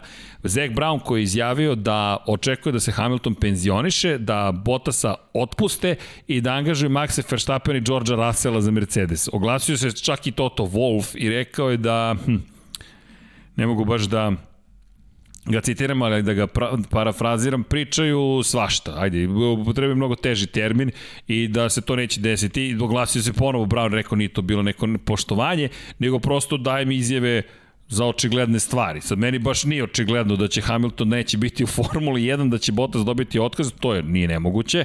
Možda je to i najrealnije od svega i da eventualno angažuju Da ja ću da dodam još jedno, ono što ti kažeš isto Maka. Ja verujem isto da će Max dati E, šansu Red Bullu, matičnoj ekipi i 2022. godine. Takođe, verujući ono što si rekao, da će da naprave nešto, jer on ima puno pravo da veruje da ta ekipa ljudi kojim, sa, sa kojim je okružen, da može da napravi nešto spektakularno za 2022. godinu. I mislim da, da, da, da neće sigurno e, na kraju tekuće sezone Max napustiti Red Bull. Da će ta priča ostati uh, ovaj, aktualna i za sledeću godinu, da u zavisnosti od 2022. da će porodica Verstappen vući narodne poteze. Verstappen se već oglasio i rekao, meni su zanimljive, uvek se trudimo da vidimo šta je poruka zapravo, koje, šta je poruka skrivena između da, da. redova. Rekao je da je još bolji i da će biti još bolji vozač s bolidom s kojim mogu da se osvoje šampionske titule. I to je racionalno objasnio. Kada imate takav bolid, morate manje da rizikujete. Kada vi morate svaki put da budete na samoj ivici onoga što je, su, što je potencijal bolida, češće ćete grešiti, greške će se dešavati. Kada ste u situaciji da imate bolid s kojim možete se boriti za titulu, drugačije vozite. I samim tim veruje da može biti još bolji. Meni je to poruka, Jeste. ako imate šampionski bolid, voljen sam da razgovaram. Jeste. I ovo što si lepo rekao, sve, sa, samo se nadovezujem, Ali za, 2000, imate... za 2022. godinu, kod može ti garantovati da ćeš imati šampionski bolid? E, ko, ta, e, upravo to. Ko kaže da neće tvoj bolid biti šampionski? Sad ti I kažem. to je ta igra čekanja. Tako Svi je. čekamo igra, 2022. Tako je. Igra čekanja, ali mora da, mislim, sad pričamo svoje ime, Naravno. ja bih na njegovom mestu verovao ekipi koja me okružuje. Adrian, Adrian Newey i, i društvo, ja bi... Vidi, Honda je napravila e, ceo novi motor za ovu godinu. Ja, ja, ja, ceo novi mo, motor da im verujem. napravili. Moram da im verujem. To je šansa, velika šansa za, za Red Bull. Velika šansa za Red Bull. Jeste velika šansa. Tako da, znaš, ne verujem da Max ima to, pa, o, kao, Ej, kao, što, kao što i Lewis Hamilton će želeti da ostane. Sačekaš polovinu 2022. Tako je. Pa nema problema. Da, ekipe da neće hteti, mislim pa da će je, svi čekati. Max je mlada koju svi žele. Ta, lepo rečeno. Pa da, pa, Maga, svi, svi je žele. Pa. I, i pit samo treba da izabere da kaže idem tamo. Htio sam drugu, da upotrebim drugu vrstu stilske pa, figure. Pa, Htio sam kažem, on je domina koja pokreće Ok. Potpisivanje ugovora, ali do, do, kako, do, kako da god, mi se, vidim da si mi raspoložen. Kako god. Ne, ne, pa, da. ali to je ista je stvar. Od njega kreće, kada, se, kada on definiše domi, on i Lewis Hamilton, opet, to su dve glavne. To su dve glavne priče. Hamilton šta će uraditi, šta će Verstappen e, uraditi. Pazi ovo sad, prepostavke. Zove ga Ferrari. Šta će u Ferrari? Da li Ferrari neko ko obećava?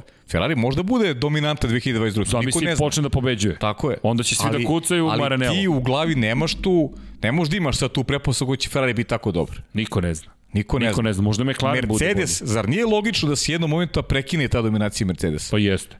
Logično, pitanje vremena. Pa statistika. statistika bukvalno. Pitanje momenta kada će to dogoditi. I sad imaš ovde jedan tim koji, koji tebe protežira evidentno godinama nazad, zaslužiš da te protežira i daj im tu šansu koja može tebi da okrene karijeru. To je 2022. Da. opet ta priča. Ali, ali naravno, srđenje, šta i, i te odluke životne, da nije bilo, pazi Luis, Luis je e, uzeo na sebi jedan rizik kada je prešao iz McLarena u Mercedes. Ozbiljan rizik. Mnogi su kompromitovali tu njegovu odluku. Šta bi bilo da je Mercedes ostao na onom nivou na kojem je bio to tada? Tako je. Pričali bi o tome, McLaren bi pobeđivao, Hamiltonu bi se pričalo kao čoveku koji je propustio Luzer. svoju priliku. Pričali bi njemu kao luzeru. Možda bi Baton još uvek vozio. Moguće. Možda bi Baton još uvek vozio. To su te, da, to su te odluke Možda bi Perez koje... bio šampion. Pa, ko zna šta da je ispala bolji taj bolj 2013. Da, i 14. sa Kevinom Magnusenom. Ko zna, možda u nekom paralelnom univerzumu. Ali to su ozbiljna, legitimna pitanja. Znaš kako, ti imaš sad sezonu koja je dramatična, imaš sezonu koja je, fanta, koja je sjajna, u najavi sjajna, a opet iza svega se valja uh, uh, odluka koja može da promeni živote mnogih od, od vozača, no, po... jer, jer 2022. Izvini, mi ulazimo u nešto novo. I šefova timova, inženjera, mehaničara. Mi, Srđan, mi ne, znam, mi ne znamo u što ulazimo. Nemo pojma. Nemamo pojma u šta ulazi. Potpuno. Ono... Ja mislim da ni mi nismo svesni veličine promena koji će se dogoditi u 2022. Tako je. Tako je. To je, mene to podsjeća, moram ti priznati, više čak i e, od hibridne ere ili prelaska ili promena koje smo ranije doživljali. Podsjeća me na MotoGP 2001. na 2002. Kad, je od, kad su dvotaktni izgubili svoj primat i prešao se na četvorotakne motore. To je tako vel... Niko suštinski nije najavljivao tu promenu, kao da pa to kad se desi, desit će se. Kad se desilo, to je kolosalna promena tektonska promjena, a to nas čeka u Formula 1. Nekako kao da ne, kada nemoguće da će toliki biti problem. Moguće i biće. Oh, I biće, da. I biće. Dobro, ali Ludio, vidi, već sada lud, potpuno, a mi tek treba da imamo zato trku je, Zato je drama, zato je ova godina specifična, a mi tek treba da imamo trku imamo. A mi tek treba da imamo trku imamo. Nas čekaju samo još onako 22 trke. Dva, samo Ništa 22. Specijalno. Mm, Ništa ja. specijalno. Ko će biti šampion? Nemamo pojma. pojma. Ko će da pobedi? Hej, najzad možemo da kažemo, čekaj, pa čekam ovo 2014. Ko će da pobedi u nedelju? Da. ne znamo. Ne znam. Ranije smo mogli da kažemo Mercedes. To je bilo gotovo za garantovano. Pobedio si me ovaj... E, nisam ti čestito. Č šta? Martin Truex. A, oh, Martinsville. Oh, oh, oh, oh. Ko ne gleda da, NASCAR, da, ljudi, da. gledajte NASCAR. U, sjajan finiš, ne znam da si gledao. Samo sam, nisam celo. Po, pocepuje Hamlina u posljednjih 16 krugova. Hamlin vodio celu trku i na kraju tup, tup, tup. A Martin Truex, molim vas, Martin, ko ne prati obavezno. Jedini ko ima dve pobjede ove sezone. Vidi, pa znam, ali ni prošle... Moram smo da te vrati. I Kevin da Harvick je, vidi, i tako ne, ne, imao sve pobedu. Okay, sve okej. Okay. Ajde, sratimo na formulu, na kraju ćemo. Ovaj, ovo je čisto, sad, sad se setio da, da ne zaboravim. Znam da, mora, znam da imam nešto da ti čestiti. Pa naravno, vidi, još da je čovek nosio broj 76, a ne 78. da. Savršen vozač. Ja bi navio za njega. ali dobro, nije mu loše ni ovo. Nije, sad, nije, nije, nije. Da, da, Martin Truex. Ok, ali da, da ne pobegnemo od Formule 1. Ne, nikako. Ne, imao, ej, 22 trke. Digresija, što bi ti rekao je digresija, de, da. regresija. Regresija. Šalu na stranu, nismo još regresovali, ali da, da, da, da Imola, Imola. Jedva čekam, moram ti priznam, još kažem, dupli vikend ponovo, pri čemu sledećeg vikenda, sad mi je čudno, nećemo imati trke, nećemo imati ni Formula 1, ni MotoGP, imamo NASCAR, ali brzo se vraćamo na stazu. Portugalija nam stiže i, i to je isto zanimljivo. Čekaj, jesi, tad, će biti i tad motora, ali se poklapam opet? Mislim da je to, koji je to maj? To, je, to bi trebalo da je već početak maja. Mislim da se poklapamo tada. Da, ove godine poklapanja su, da, drugi maj, Poklapamo se. Da se poklapamo, pa na, kako pa. Zašto se ne bismo poklapali? Ne, pitam zbog nekih drugih stvari. Pitaš zbog teleporta. znam zašto pa, pitaš. Ne, ne, ne. Znam, znam, znam. Ne, znam zašto znam, pitam. Znam, Pazi, 9. maj. Ne zbog teleporta, nego pitam, znaš i sam. okay, shvatio sam, shvatio, shvatio sam. Ba da, vidi, du, Razumemo se. Dugo, dugo se družimo, ali ne, ne brinite, saznaćete i vi, samo što moramo da budemo strpljivi pre nego što bilo šta najavimo. Ja bih najavio sad odmah, ali se to je pa da me kontroliše. 9. maja se ne poklapa. 9. maja se ne poklapa, dobro. Tako je. Tako da, eto, to, to može biti zanimljivo. Ok. Da, okay. da, može. može. Sve spremno. Da. Može. E, da ne zaboravimo, kada je reč o, o, o, o Imoli, imamo, ako se ne varam, trebalo bi da imamo i dodatne takmičenja tokom ovog vikenda, tako da, e da, program gde će biti... E, znaš da ne znam? Ne, još ne znamo. Ne, ne, ne, ne, ne, ne, ne znam za dodatne takmičenje.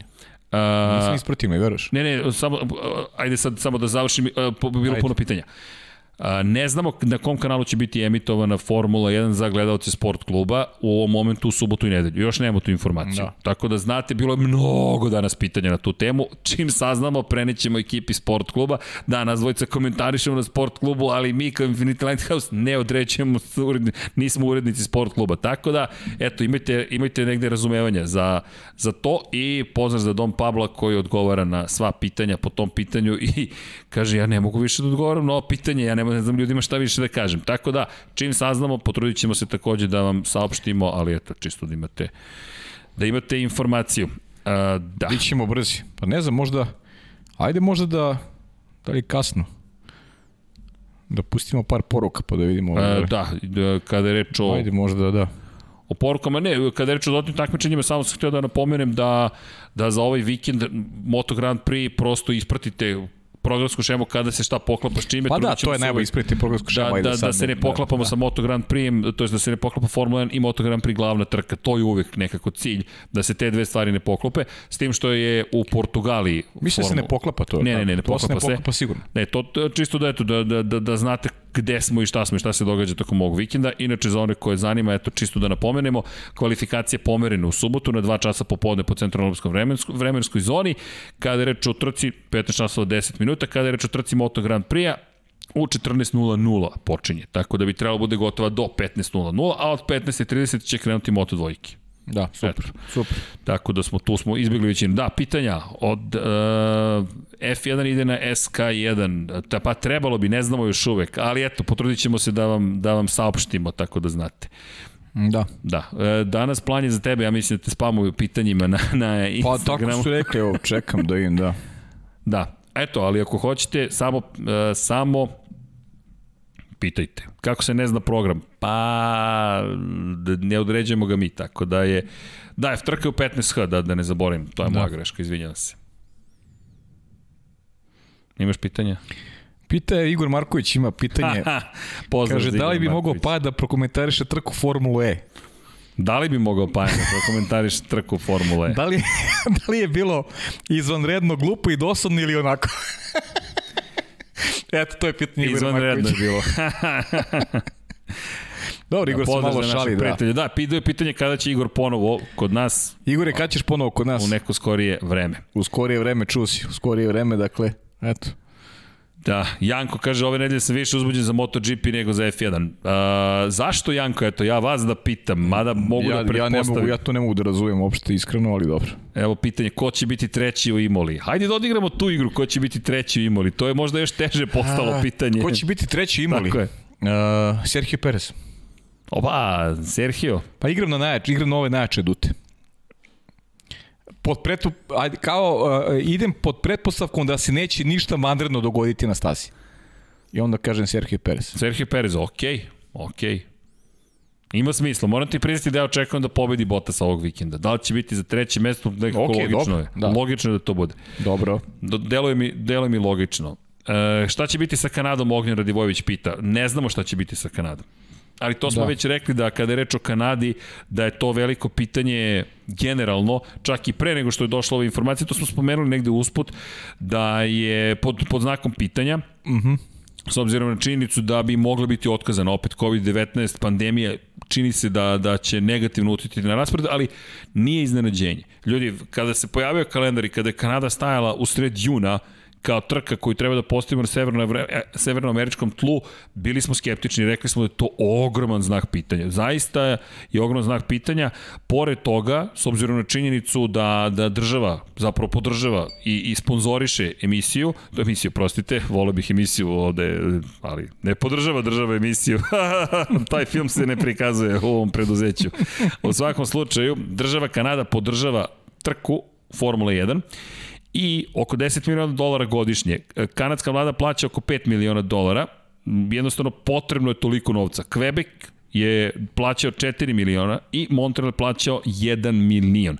E sad, turistička organizacija Montreala je davala oko 5 miliona dolara i sada, s obzirom na činjenicu da je u ozbiljnim problemima prosto turistička organizacija i da je Oktan navodno tražio kompanija koja se bavi promocijom ove trke dodatnih 5 miliona dolara, što je problema.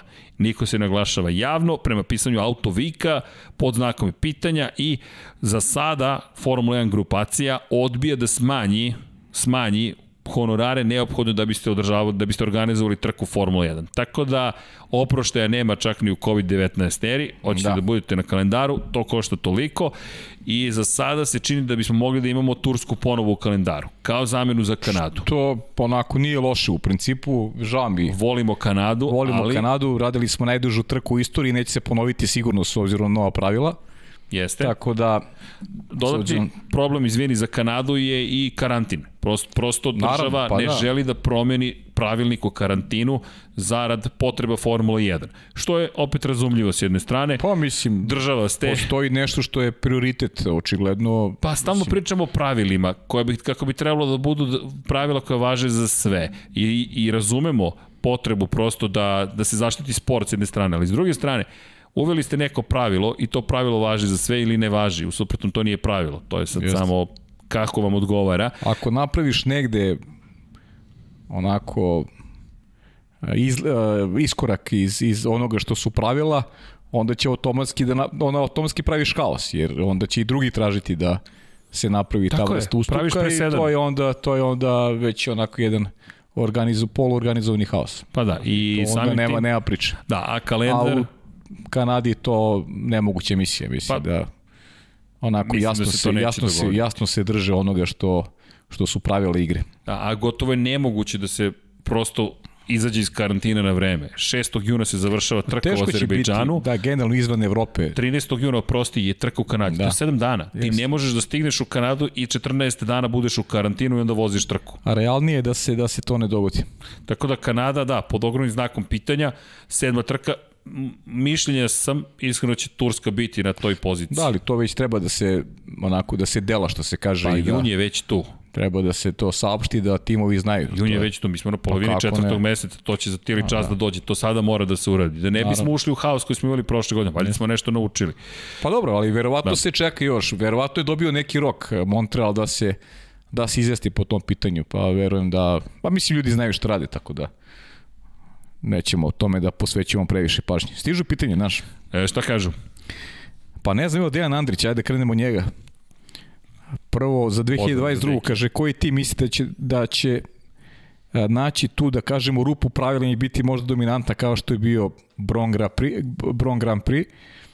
Teško je reći deki ko će to možda bude, ali ja neko verujem u Red Bull, zbog toga sam malo pripričao vezano za odluku Maxa Verstappena, čini mi se da uh, oni imaju opet taj jedan uspon koji ne znači ništa nužno za 2022. godinu, ali taj tim ljudi koji je e, onako, koji vodi Red Bull, čini mi se da možda napravi dobar posao. Prosto verujem u ljude koji vode Red Bull. Eto, ne znam, ne znam zbog čega imam utisak da će Red Bull napraviti nešto što je dobro za narednu godinu. Tako se meni čini. Evo dosta pitanja za Alfa Tauri. Da li mislimo da će Alfa Tauri biti uspešan na ovoj trci, to je da li može da se bori za plasmano pobjedničko postalje?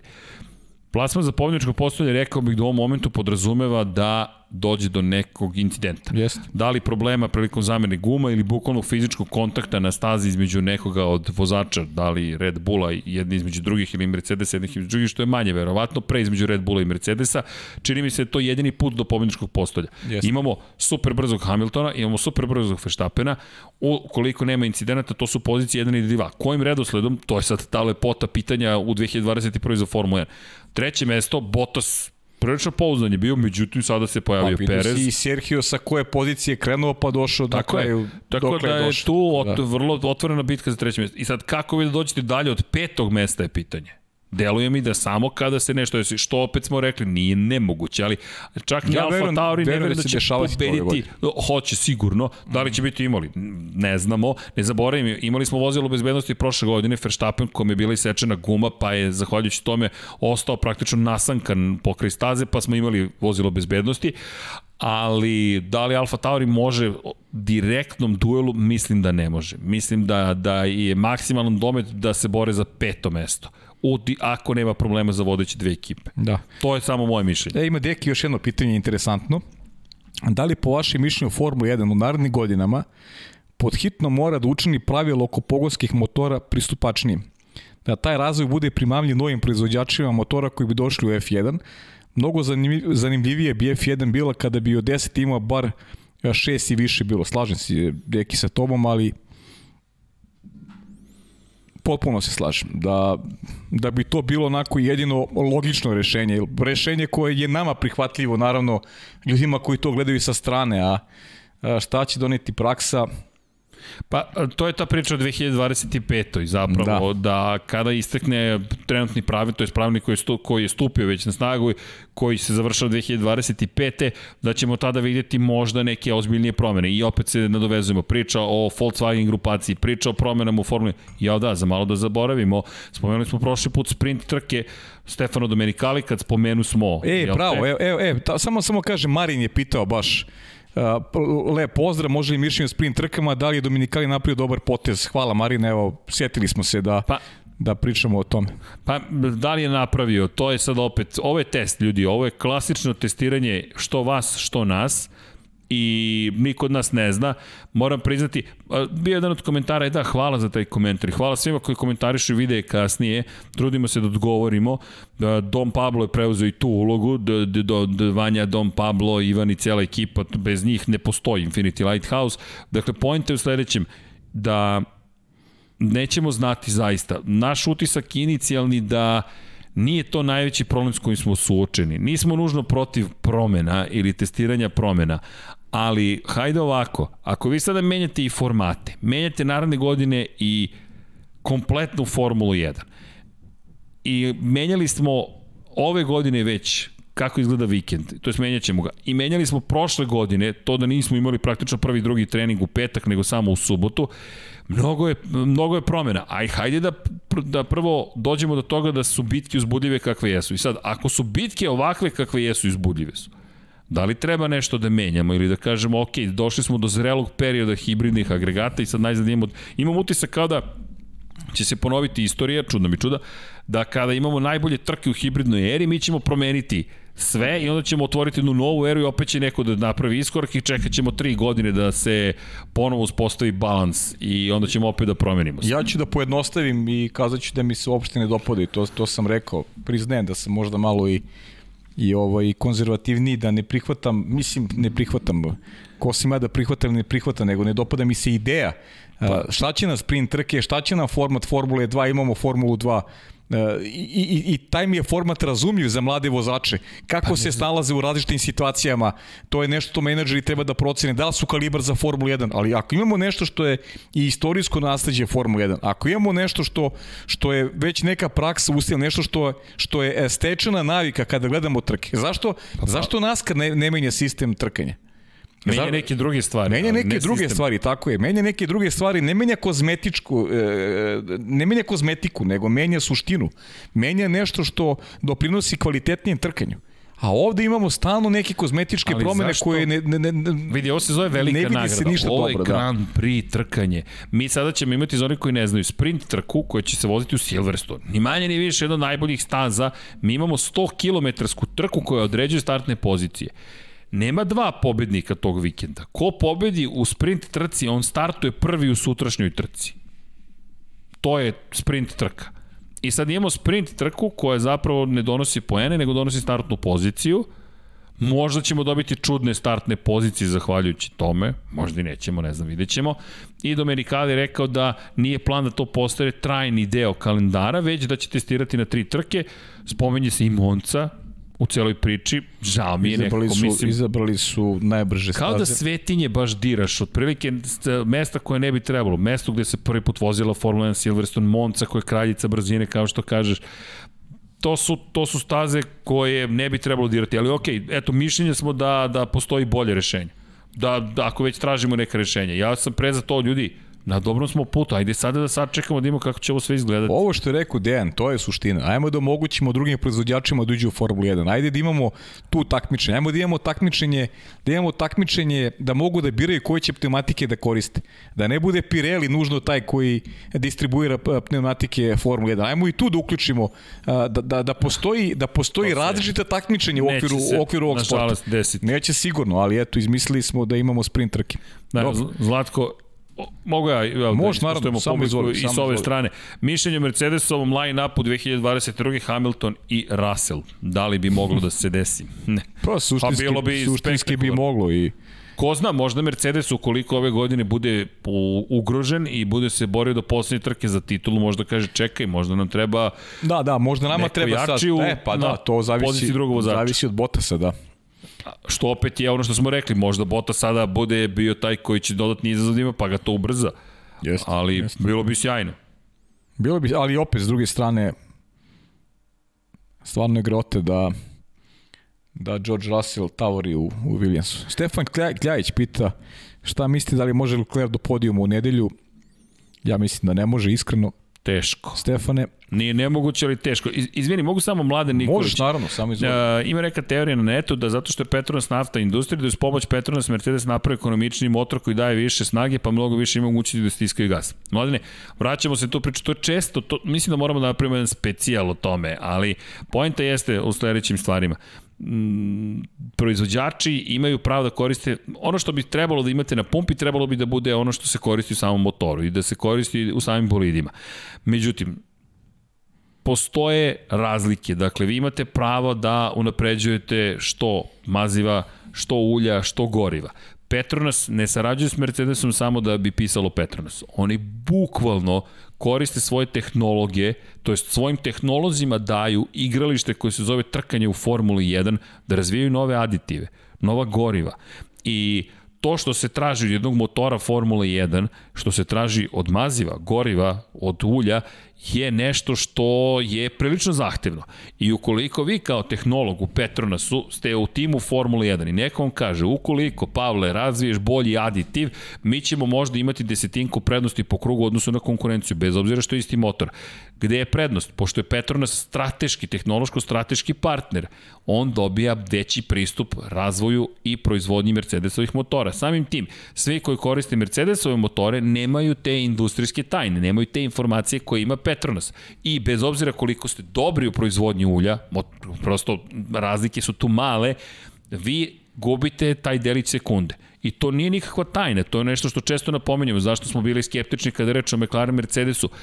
Kada je Mobil 1 snabdevao, koji sada inače snabdeva Red Bull, kada je bio taj naftni partner za Mercedes, za McLaren, prostite, 2014.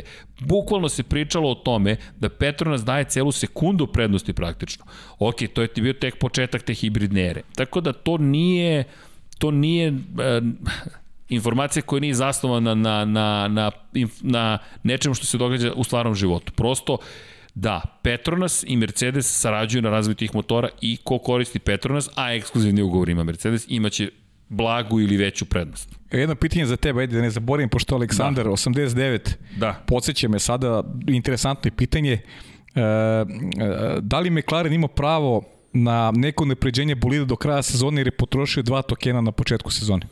E, izvini, za koga je to? Za? Uh, za McLaren. Za McLaren. Mm. A McLaren, uh, McLaren, nije, McLaren je potrošio tokene isključivo za ubacivanje Mercedesovih motora u svoju šasiju.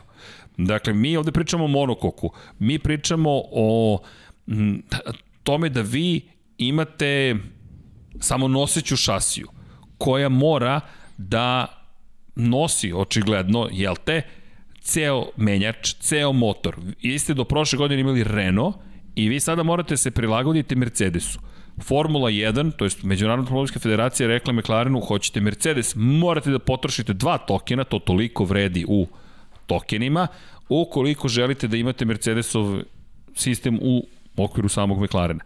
Tako da je McLaren morao da potroši na Mercedes, nije mogao da menja prednji kraj, nije mogao da menja mnogo toga i tu nesumnjivo ima jednu vrstu zaostatka, ali McLaren je toliko dobar bio prošle godine, kada je reč o prednjem kraju, da čini se da nisu mnogo toga izgubili i još jedna stvar, aerodinamički delovi kao da nadoknađuju sve to što je izgubljeno eventualno da. izgubljeno. Mi ne znamo da li je izgubljeno. I ono što je dobro, ako su dobili dodatnu snagu, pa opet kompenzuje se. Hoćeš, hoćeš ja, imamo da. jedno interesantno pitanje. Vojin Kostić. Pozdrav za obojicu. Da li možemo iskreno da kažemo koji nam je najomiljeniji sport od ovih koji prenosimo, što na televiziji, što u podcastima? Hvala unapred. Da li možemo da prenesemo? Koji nam je, koji nam je najomiljeniji sport koji prenosimo, što na televizijama, što u podcastima? Pa, ka, sad to je, to je gotovo nemoguće pitanje. Pa, e, Sport ili meni, disciplina? Da, meni, meni je ovaj zaista teško pitanje, iskreno. Jer izdvajam ova tri, mada ja imam još neke stvari koje radim, ali, ali formula hokej na ledu i vaterpolu, to je nešto što, što radim sa uživanjem, a neke druge stvari su onako posledica moranja, to je posla. Prosto ne možeš uvek da radiš ono što voliš, jednostavno. Pa ja nemam, ja kada je prečo o ovome, moram ti priznati, pa... Teško izdvojiti, meni, meni je zaista teško da izdvojim, iskreno. Jer, jer, jer sve nešto, sve se vezuje za, opet za neku, za neku, za neku mladost, pa i za, neka, i za, i za neke prijateljske odnose i tako dalje. Pa, pa ovaj, zaista uh, mi je teško da se opredelim onako, ali najiskrenije da se opredelim. Najiskrenije mi teško. Pa ne znam pravo da ti kažem, ne, ne, kako to, kod mene, pa MotoGP Formula 1 su rame uz rame, zašto je nemoguća misija, eventualno eto mogu da stavim, da, automotosport ispred američkog futbola, ali da bih to, pred, to bih pripisao pa rekao bih iskustvo. Godinama. Ja sam, a ja Formula, ja da automotosporta, sporta, meni je samo Formula 1 u ravni sa, sa hokejem i sa vaterpolom, ovo drugo ne. Ovo drugo ne, nije ni blizu sa, sa, sa uh, hokejom i sa, i sa vaterpolom. Ni blizu. Da. Formula 1 je tu ravni, a ovo ostalo baš nema dodirnih tačaka sa onim što je neka moja emocija i, i neko zadovoljstvo i kad sedem u kabinu da radim i, i da pratim izvog onoga što, što je neki, neki domen posla već, neka, neka ljubav, želje da saznaš više, da, da, da budeš i bolju poslu u krajnjem slučaju. Mm, ja kažem ti, teško mi je, kažem, me, obožavam američki futbol, obožavam trkanje, ne, ne, za nijansu da je to prednost Formula 1 Moto Grand Prix, prosto to, ali vidi, američki futbol sam negde počeo da pratim 2001. godine, a Formula 1 još 80-ih, MotoGP od 95. ali to je bila instant ljubav, tako da, eto, to, to je to. Ne prenosim nik, ni jedan drugi sport. Povremeno sam dobio nekad davno da nešto prokomentarišem i mislim da, da sam ja jednom tu... upao slučajno nekoga da menjam i to je bilo Malo to. sam aktivniji tu u tebe, ali, ali ne. hvala ti Vojne, lepo je pitanje hvala. i hvala. hvala. U svakom slučaju da, nemam. Priznaj pa znamo da je MotoGP. Srki, reci MotoGP slobodno. Pa eto, vidiš se. da. da. Ali, da li Paja gleda MotoGP? Evo.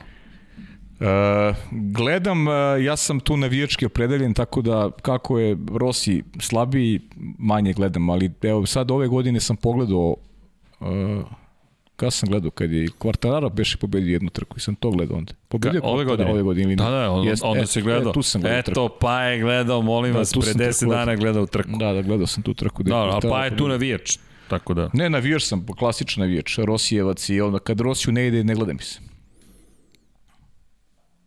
A zašto si onda gledao ovu poslednju trku? Pa, ne znam, bilo mi interesantno od, od početka, pa sam pogledao, ne znam. A ono, vidiš, da. a, ali čak A i čekao sam, bio sam, ono, na poslu sam te, ono, pustio tebi Đankića i, ovaj, i čekajući, čekajući svoj prenos. Čekajući svoj prenos. Da. Ali vidi, sad si rekao nešto meni mnogo zanimljivo. Čak i kad, šta se događa s MotoGP-em? Nije bio Rossi brz. Mark Marquez nije na stazi, a gledanost je i dalje bila neviđena. Sam da, da. spektakl je došao do tog stadijuma da čak ni njihovo uslovno rečeno odsustvo ne utiče toliko na gledanost. Prosto je zanimljivo. Prosto Dobro, te kako, mora držiti se, pažnju. Mora se pomirimo ovaj, mi, ovaj Rosijevci da to više, da je to to. Znaš, da tu više to u stvari više nije e, pravo rivalstvo na, na relaciji Marquez Rossi. Ali dobro, to ćete vi sutra, ajde da ne pričamo sutra ćemo, sutra ćemo. Ma, mislim. E, Drica Boj 12, valjda svi korisnici Mercedesovih igrata koriste Petronas maziva goriva, ostalo je samo branding na bolidima. Moram ti priznati da poslednje što se sećam jeste da su tipa 2016. 17. zaista koristili, ali čini mi se da je kod McLarena Galfoil kada su oni potpisali da je tu bila priča da će koristiti, ali ajde da ostanem dužan da proverim. Znam pouzdano da je to bilo dosta priča o toga ko koristi šta. Renault, na primjer, i Red Bull kada su se razilazili, uh, Castrol BP, Exxon Oil, ko je šta koristio i tu jeste bilo razlika i, i to jeste sad odlično pitanje, ali evo, Drica Boj, hvala na, na, na skretanju pažnje, raspitaću se da, da, da ne bude dajem pogrešnu informaciju, tako da, da hvala. Da. Đorđe, pita pozdrav za Đorđe, šta, kako komentarište izjavu Tota Wolfa da ove godine moraju da se uče sa jednom teškom odlukom u toku sezone. Šta mislite, koja je to odluka? Pa, Đorđe je stvarno, ne znam na šta je ciljao a, Toto Wolf. Prepostavljam da je ta, ne znam, mogu da nagađam samo, ali ne znam iz kog, iz kog konteksta je ovo izvučeno. Možda je Valtteri Bottas ta teška odluka, ne znam. Pa, ne znam. Da, to je sad ogromno pitanje, nemamo predstavu da, ne, zapravo. Da, ne znam u kom kontekstu je to, to rekao. Dobro. Ajde, ajde, možemo i da nagađamo šta bi bila teška. Pa sve su odluke tu teške. Da li, evo, ajmo, ajmo da krenemo od Rasela. Šta s Raselom? Šta s Raselom? Šta ako ostavi Rasela još jednu sezonu u Williamsu? A mada, ja mislim da Russellu sada ističe ugovor na kraju sezone. Da, u Williamsu da. trogodišnji da. ugovor ističe i Russell bi mogao biti vrlo interesantna meta mnogima. Mnogi bi mogli da kažu čekaj, George Russell je slobodan. Ti da, da si sad menadžer ekipe, da se pojavi George Russell na tržištu, šta bi rekao? Pa ne znam, ja, bi, ja sam odavno odmah. Za George Russell, ali... Potpis, odmah. Ali bukvalno odmah. E, inače, dobro pitanje, to nismo spomenuli. Vremenska prognoza najavljuje kišu za nedelju. A šta ukoliko bude kiše? E, pa ukoliko bude kiše, zaboravite ovu najavu i kreće sve iz početka. Pa dobro, ali opet ne, ne, raspored snaga mislim da tu neće biti promenjen. Opet isto isto o, ove dve ekipe s tim što znamo da ko je kišni čovek u, u ovoj novoj eri Formula 1 da se Lewis Hamilton stvarno sjajno snalazi u tim promenljivim vremenskim ustojima i često su mu pomogli. Pogotovo one 2018. tako beš kada se borio sa Sebastianom Vettelom. Jeste. Baš, pa, mu, ba, baš mu je kiša Nemačka. neko, nekako ga je da kažem, gledao one gore i, i, i pomogao mu u nekim kritičnim momentima kada je delovalo da trka ne ide u pravcu kojim on želi. Tako da Nemačka je baš specifična jer je čak bio jedan momentu izvan bodova, a Sebastian Vettel, Sebastian Vettel prvi. Velika je tu razlika, imaš 25 plus, ovde minus odjednom je vodeći završio minusu, a ti si dobio 25. To je zaista napravilo možda i onako krucijalnu razliku. Dobro, to Evo, je... pitanje, izvini, BKN Plus, crki koji ti tim prirastao srcu u Formula 1 od početka praćenja. Pa moram priznati, da dva tima su me kupili, pa i njihovo rivalstvo, McLaren i, Fer, i Williams. Uh mhm. -huh. McLaren i Williams su mi bili e, nekako baš su mi privukli pažnju. U jednom periodu Ferrari mi je bio mega simpatičan zato što nikako nije uspevao sa Žanom Alezim Gerhardom Bergerom ništa da uradi. Ne mislim tu ništa loše. Svaki put pomislite, evo sad će da se legendarni Ferrari vrati, bah, nešto se desi. Da kamera upada u motor, ne znam, e, guma strada, otkaže agregat, uvek je nešto bilo, e onda je počela druga era sa dolaskom Mihaela Šumahira, ali tu se već radio kao novinar, tako da se tu već nekako drugačije posmatrao Formulu 1. 95. sam počeo da radim kao novinar, pa sam tu nekako i drugačije počeo da pratim ceo sport.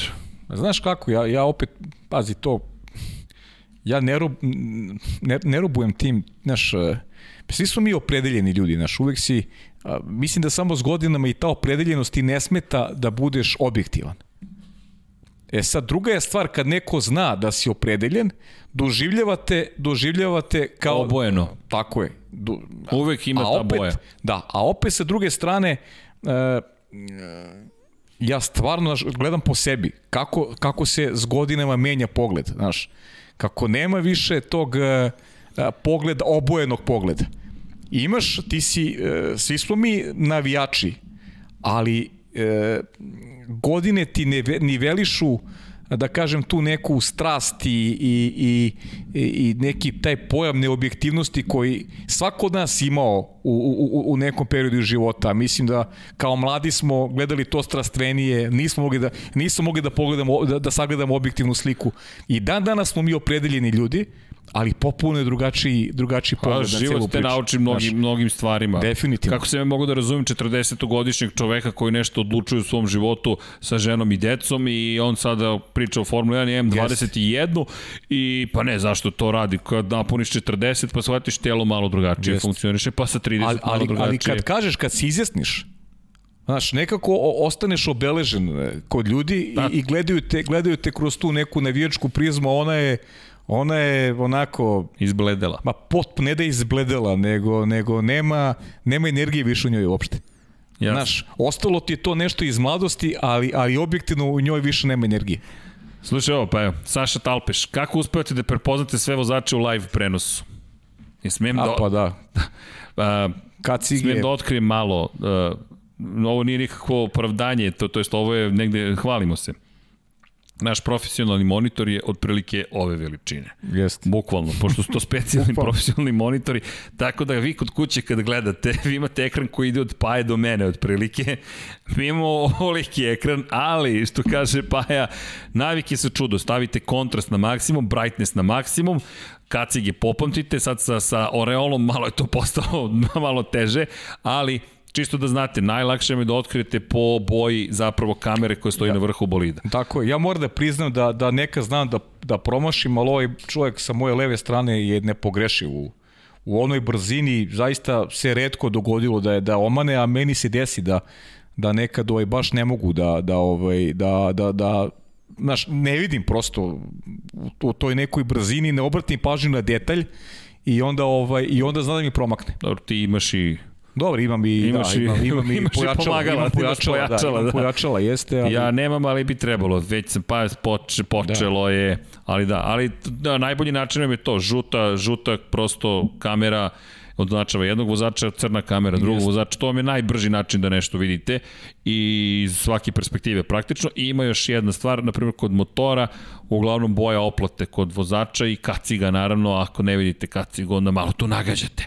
Mm. Dimitri Topalović kaže Charles Leclerc izjavio da već želi da obnovi ugovor sa Ferrarijem, rekao da veruje u ljude Ferrari 100%, šta mislite o tome? Pa Charles Leclerc je komitovan vozač, ljudi, Ma, njegova karijera je. je strogo vezana za Ferrari. Jeste, ima apsolutnu podršku unutar ekipe i... Šta posle Ferrari? Ako ne uspeš u Ferrariju, Jeste te nekom da angažovat će te, ali ostaje taj trag nisi uspeo u Ferrari. To zaovek ostaje. Pa opet idemo na tu, opet 2022 to opet te promene, čeka znaš, se. to se čeka. Čeka se. Formula 1 Bosna, veliki pozdrav za vas ljudi i oni nama šalju onako i, i hvale nas, hvala vam, hvala vam na, na, na a, onako lepim komentarima. E, ukoliko Gasli odi iz Alfa Tauri na kraju zone, koga vidite kao njegovu zamenu? Albon, Vips, Daruvala ili Lawson. Imaju, imaju izbor. Interesantan izbor. Ja recimo volim Vipsa, a opet, eto, nije ga bilo prošle godine, Lawson se nametno je već ima pobedu ove, ove sezone, Daruvala dobar vozač. Zavisi od ove sezone. Zavisi od ove Zavisi sezone. Zavisi od ove sezone. Je. Daruvali ide u prilog što iz Indije. Jeste. Samo zamislite vozača iz Indije koji je deo tog projekta jedan u milijardu. To je ljudi, to je bollywoodska priča. To je film. To se snima bollywoodski film. Snimaš film o tome kako je jedan momak krenuo nekim putem snova i bukvalno to je jedna hollywoodsko-bollywoodska priča, yes. gde je došao do Formule 1 i sad samo uzmite obzir sledeću stvar, prodaješ konfekciju koja se zove Alfa Tauri i piješ Red Bull u Indiji. Hmm. tržište od preko milijardu ljudi. ja, ja nešto mislim da ti tu, tu dobro dođe ta podrška. Ako ne. Ali Red Bull je zahtevan. Nije dovoljno da imaš dobro tržište iza sebe. Tajlanđanin je odleteo iz glavnog tima, mada mislim da je ostao u Alfa Pa ni Tauri. nama ne bi bilo loše da u Indiji gledaju ovaj podcast. ne bi bilo loše uopšte. e, pa vidi, Meksiko smo pokrili. O, Tako Meksiko, da Daruvala, Meksiko kad, pokriven. kad pobedi Daruvala, a ovde indijska, Indijska zastava. zastava, tako je. Da, ali eto, Daruvala to ima, ali znate šta, sve se svodi na kraju dana Helmuta Marka koji će da gleda Formulu 2 i gde koga on namiriše da je taj vozač, da ima to što je potrebno, Lepo si rekao, na doktora Helmuta Marka se sve svodi. to. On je taj, a on gleda te trke. Tako da pratite trke Formule 2. To je to je najbolji način da vidimo šta šta bez, stiže. bez toga nikako. Ali zanimljivo je to i odlično pitanje i mislim da se dekto- desila suštinska tektonska promjena u Red Bullu ove godine. Nešto što smo videli da se desilo i kod Ferrarija konačno time što je rekao da ustajemo od šampiona idemo na mladost, a to je da su prestali da samo unapređuju iz svog programa, Red Bullov juniorskog programa za glavnu ekipu i da su rekli super, ali ako nemamo talent trenutno u programu za koji verujemo da može da uradi ono što nam je neophodno, počet ćemo i to ono što je Horner rekao, počet ćemo da se ponašamo kao odrasli E, ljudi. ali srđane ima i druga strana medalje Ima. u tom projektu Red Bulla. Ti da bi video da li neko talent, mora da mu daš i, i, i adekvatnu šansu, a ne da ga menjaš u sred sezone. U prvoj godini Pjera Gaslija, on je zamenjen u sred sezone. U prvoj godini Alex Albona, on je dobio šut kartu posle prve sezone. Dakle, ne može, e, e, rekli smo i, i Mick Schumacher, e, došao je sad Cunoda, a, stigao je naravno i, i Mazepin. Da li je dovoljno mladom vozaču da u godinu dana pokaže u jednom novom okruženju da pokaže da pokaže e, sve što može? E, da, da, li, da, li je, da li prebrzo dolazi do, do, do, do smena vozača? E, živimo brzo naravno. E, svako želi da, da nekako svog vozača sa svojim sponzorima što pre progura u, u Formuli 1 imamo sad u Formuli 2 veliki broj opet talentovnih, talentovnih momaka ali ako ćemo da ih trošimo tako kao na traci pa malo će njih dobiti e, pravu priliku Da, ali, ali mislim da ima tu da je Red Bull dopovukao odličan potez zašto? E, odličan potez sa Perezom, slažem se. Ali da li misliš da bi danas Pierre Gasly mogao da bude neko ko pomaže adekvatno Maxu Verstappenu i sebi posle recimo dve godine ali, vožnje za, ali to za, hoću za da Red ti Bull? kažem, ali zašto mislim da je Red Bull zapravo napravio fantastičan strateški potez? O, ovo mi je teorija. Doveli su sada Serhije Pereza, to je 2021. godina. Ko je stigao u Alfa Tauri? Pierre Gasly ne ide nazad u Red Bull. To odmah možemo da zaboravimo. Oni To su je- sada u To je definitivno. fazi promena. Ovo je neka faza migracije na novi sistem. Koji je moje mišljenje da će biti novi sistem? Ne kažem da neće promovisati iz svog juniorskog programa, ali više nije dovoljno da uđeš u Alfa Tauri i da znaš čekam da neko ode iz Red Bulla i ja sigurno upadam tamo. Ne, ne, ne, ne, ne, ne, ne. Dobro. Tsunoda je dobio poruku, ako hoćeš u Red Bull, morat ćeš da budeš mnogo dobar, jer mi smo sada spremni da, da šopingujemo, to je da kupujemo sa strane i da dovedemo nekoga ko nije deo Red Bullovog programa ukoliko je bolji od tebe.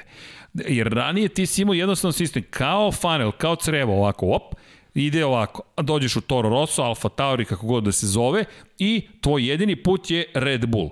E sad nije jedini put Red Bull, sad je tvoj put direktno u zavisnosti od tvojih rezultata. Ranije izađe Ricardo, mi promovišemo Danija Kvjata.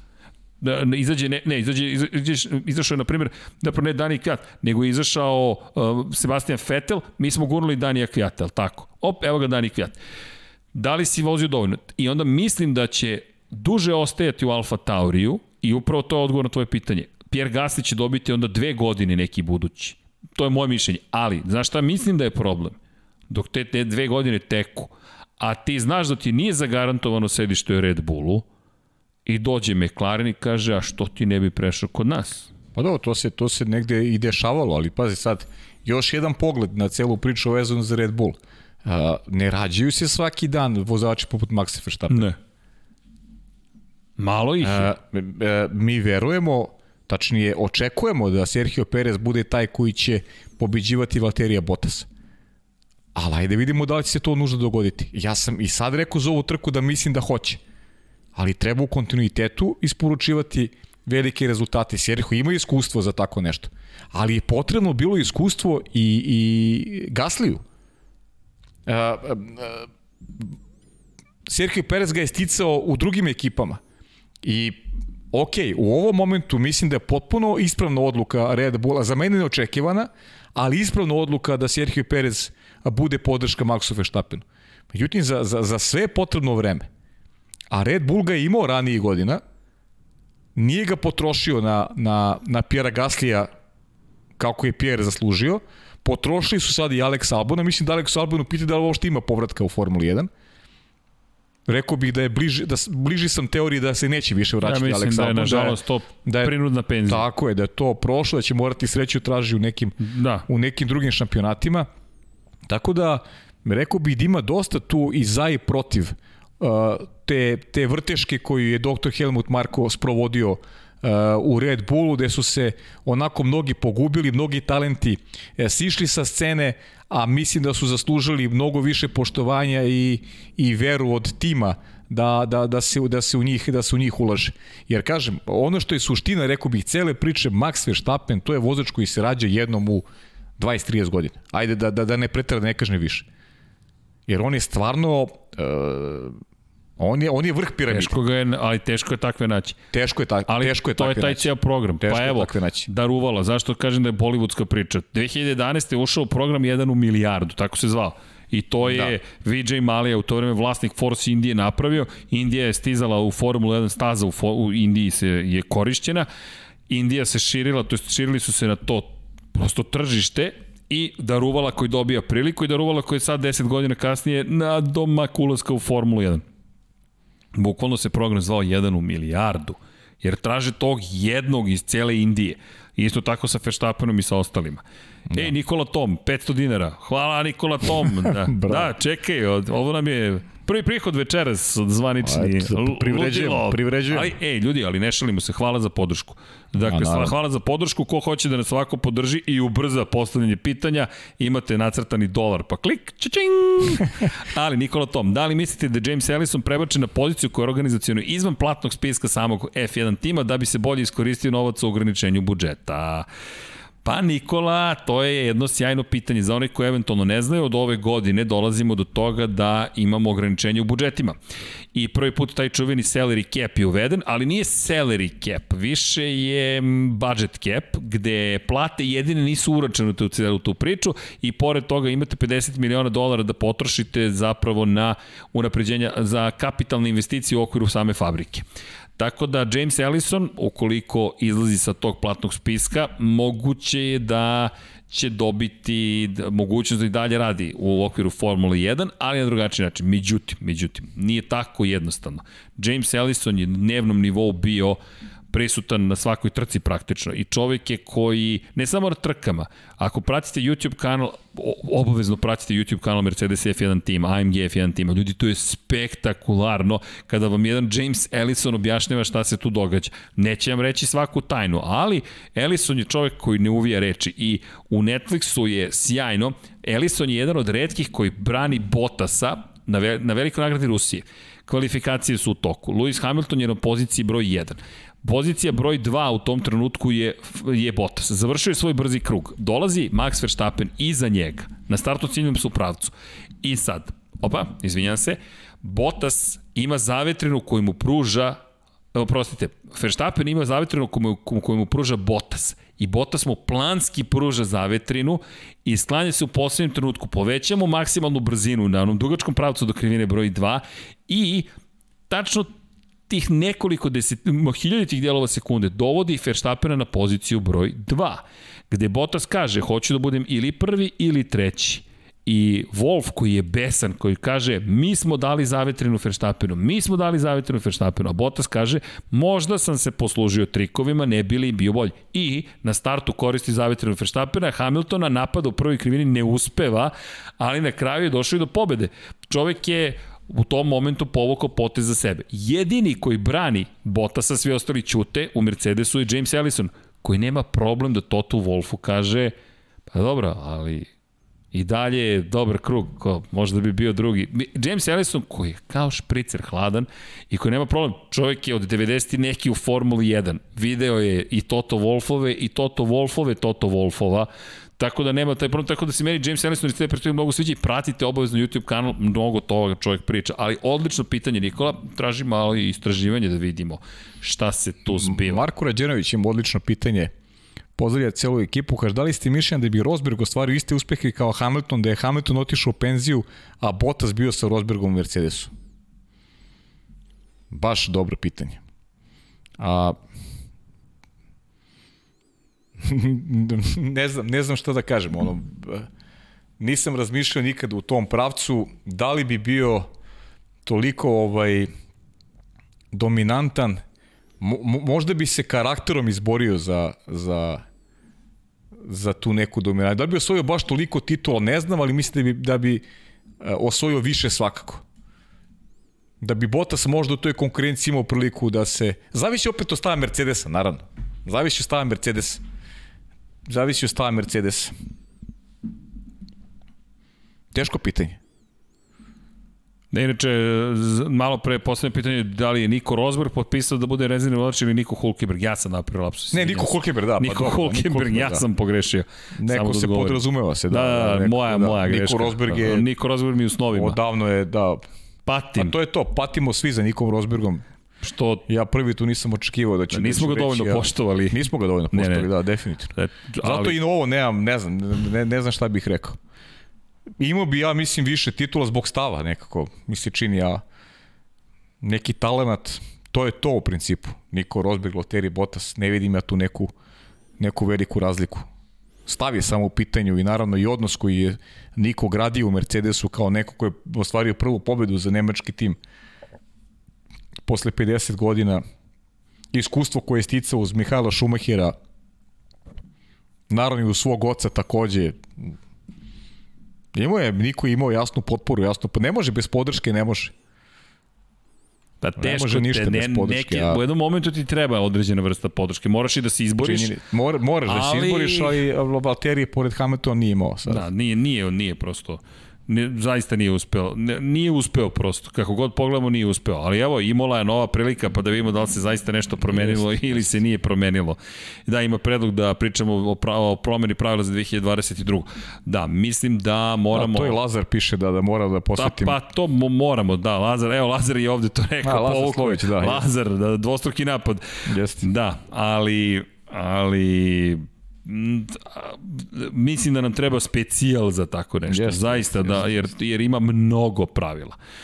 E, kada bi se mogli da napravite intervju, e da, jedno od pitanja pobeglo mi ovde, ali da li će biti intervju sa vozačima iz Formule 1 u okviru Lab 76? Iskreno se nadam da, da će biti, radit ćemo na tome, pa se nadamo da će ih biti, da ćemo imati priliku da intervjušemo ljude sa, sa ovih prostora koji uh, učestvuju u šampionatu Formule 1, da će imati priliku da pričamo o, sa Milošem Pavlovićem, čekamo, to, pa, je, to, je, to, to, je, to nam je glavna za, ali mislim da Miloš sad ovo je sad već naš pri, priprema. Ovo je izazov. Ovo je izazov.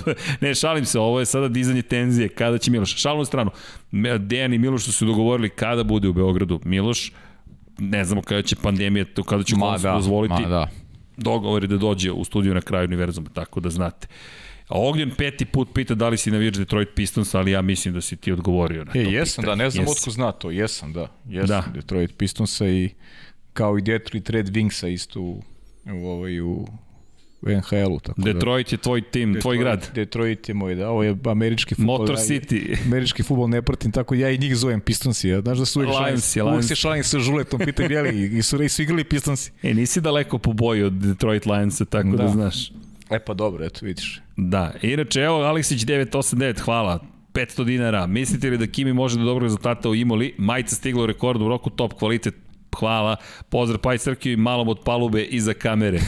Mali bi mogo da ne iščupa ruke iz ramena, što kažu, Ma, ko da je problema, čubaka, jedino što problema, nije tlakav, da. samo je ogroman. Ne ulazimo u sukup sa njim, nema potrebe. ne, ne, verujte. Jači, jači smo, ima argumente. Čisto da ga, čisto da ga ovaj, ne... On nas na intelekt dobija uvijek, tako da nemojte ništa da brinete. M je pametan, M je mlad, M je brži, M je jači. A ništa, kako, samo se sklanja. Ma samo kad kaže gotovo, mi završimo emisiju i to je to.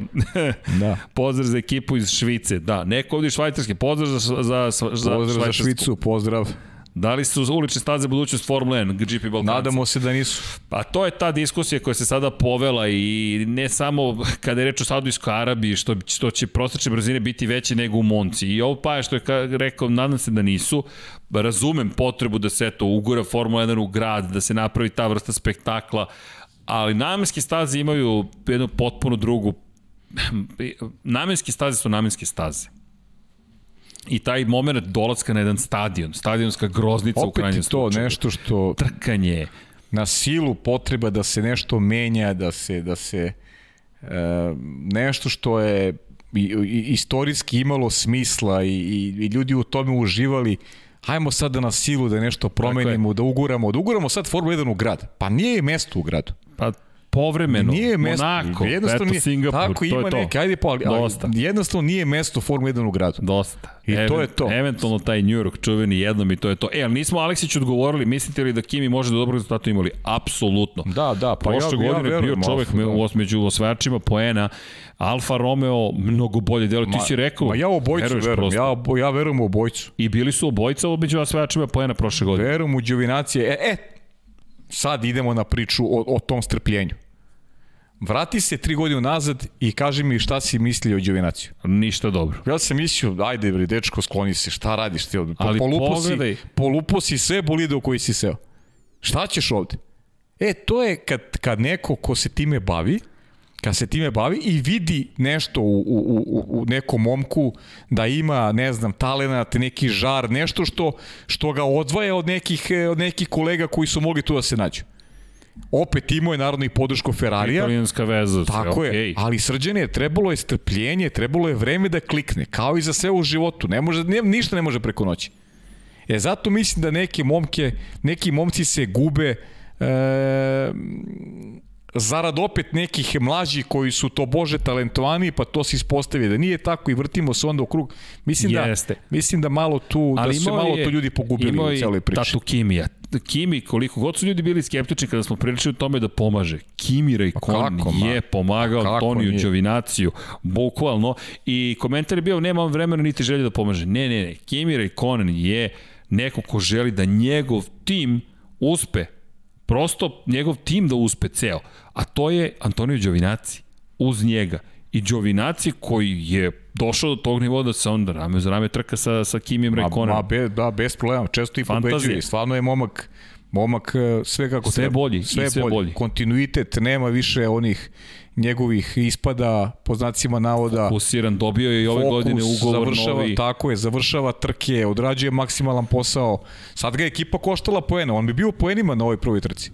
Ostao je 10 sekundi i kusur u, u, pit lane-u kod onih pneumatike. jeste. I to ga je koštalo poena. I, i, i- da ponovim još jednom, da li mislimo da Kimi može dobro rezultat imali? Da. Može, dobar može. rezultat, ljudi osvojeni poeni su dobar rezultat. Ako bude iznad devete pozicije, neko osmo, sedmo mesto, to je fantastično, pogotovo u ovako konkurentnoj Formula 1. Ali prošle godine smo videli da mogu biti baš brzi. Samo humor.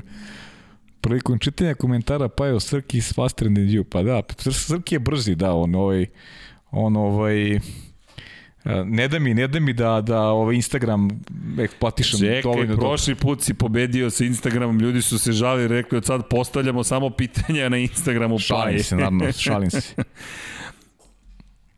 Da, inače, ako može komentar, aha, ko, je, ko će po vama imati više titula na kraju svojih karijera? Ajmo, Max, Leclerc, Lando, Russell, ako ode u mečku, Miki ili Cunoda.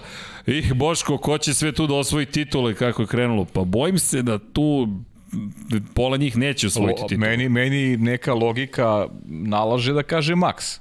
Ali ljudi, e, može se dogodi da, da neki drugi vozači naprave bolje izbore, da, da prosto dobiju priliku da voze u ekipi koja će biti dominantna. Sve je malo stvari i neke sportske sreće i te odluke koji, o kojima smo pričali vezano za 2022. godinu. Kako treba proceniti situaciju na pravi način, a to je, za to je opet zadužen neki tim koji snalazi oko vozača, koji, koji treba da omogući talentovom momku da se pojavi u pravom trenutku, u pravo vreme na, na, na pravo mesto. Kompleksna priča. A kada pričamo o talentu, mislim da Max može da ugrozi ovo što je napravio Lewis Hamilton. E, sad samo je pitanje gde će voziti, za koga će voziti, kako će se odvijati njegova karijera dalje. Eto, ajde, jednostavno odgovor, ko će od njih imati više ko će od njih imati više titula na kraju? Hm. Može se, može se pojavi neko, neko drugi u celoj priči. Pa da, može se pojavi.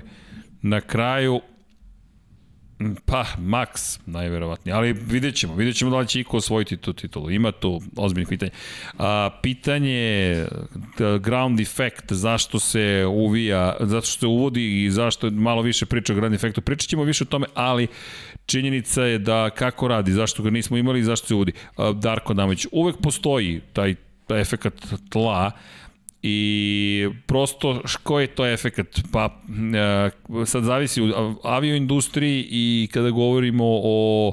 To je zapravo korišćenje nečega što u avioindustriji ne želite da se dešava, na primjer. To jest, imate sad tu situaciju kada se smanjuje zapravo kada se menja aerodinamički efekt kada ste blizu tla. Jednostavno, kako se avion spušta, kako, jel te, krila, prosto imate formirane, hm, kako sad ovo da lepo objasnim, da smanjimo.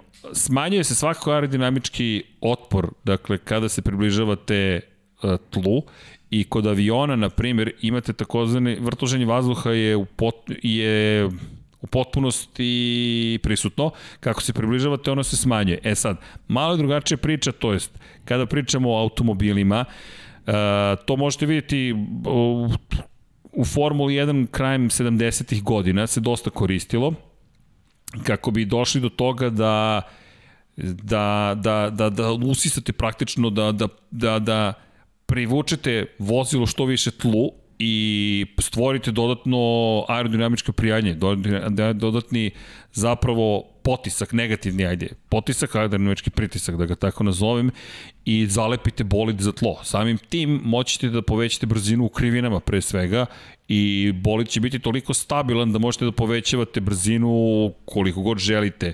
Jer ne pričamo o brzini na pravcu. Brzina na pravcu nikad nije bila problem. U suštini vi sa starim bolidima imate ogromne brzine, preko 300 km na čas. Smanjite aerodinamički otpor i fu, samo idete. Ali stvari u sledećem, u krivinama vama je potrebno zapravo da imate što veći aerodinamički otpor u suštini, to je da stvorite što veći downforce, to, to je takozvani aerodinamički pritisak, kako biste zalepili bolid za tlo. I u skretanju mogli da povećate brzinu. Čak vi morate da se krećete što je brže moguće da biste generisali taj tu vrstu efekta, a opet da ne pređete tu granicu gde će bolid izgubiti stabilnost. Tako da, ajde, hajde da se ovako dogovorimo, da napravimo, moramo da napravimo posebnu priču o, o, ovome, pošto tu ima dosta stvari koje, koje treba ispričati da bi se to razumelo i nadam se da će, hajde da napravimo neki Ma moramo grafički da, da, da to da sredimo. Vanja, da se slažeš sa mnom? Mislim da će Bogdan morati da se pozabavi ovom temom takođe. Tako da ne zamerite, ali ima dosta toga što moramo da ispričamo. Kako? Tema. Tema. Tema će da se zove Ground Effect. Evo, Vanja već piše temu kao domaći zadatak. Kaže Ivan Demjanović, ako može komentar nizio Marija Kodrića da je Leclerc talentovaniji i kompletniji vozač od Maxa, da je prosto e... Max agresivniji. Pozdrav svima u studiju. Da. Pa, mišljenje, eto, tako ga, ovaj, tako ga doživljava. Mišljenje čoveka koji onako, koji se trka. bavi time, bavi, trka se i neko ko je onako relevantan da priča o tome sad. To je, opet kažem, samo mišljenje, ništa, ništa više. Pa, mislim da moramo da imamo Martina u emisiji, da tako ga je, pitamo, tako Martine, I da, možeš da, da, li... I tako je, da nam, da nam, lepo, da nam lepo obrazloži. Da nam da detaljno tu, objašnjenje, tu, to je da znamo šta je da. tačno rekao. Tako je. Mislim, je to, ja mislim to, eto, Vanja, Martin Kodrić, pišemo, spisak željenih da, da, da. To je, to, je, to je odavno, on je odavno na listi želja i Tako je. rekli smo da ćemo Marija, Mario Kodrić, po, pokušat ćemo da, da ga... Mario Kodrić ili Martin Kodrić? M, m, zar, nije, zar nije Mario, a? Ja Dobro. mislim da je Martin, a sad si mi zbunio, ali mislim da je Martin. Kaže Čekaj. Dorijan Tiče kako Max ode 2022. iz Red Bulla, koja će biti postav vozača i koja će biti glavna zvezda Red Bulla? Uf, Dorijan je ovo je Ovo je opet jedno teško pitanje koje postavljaš.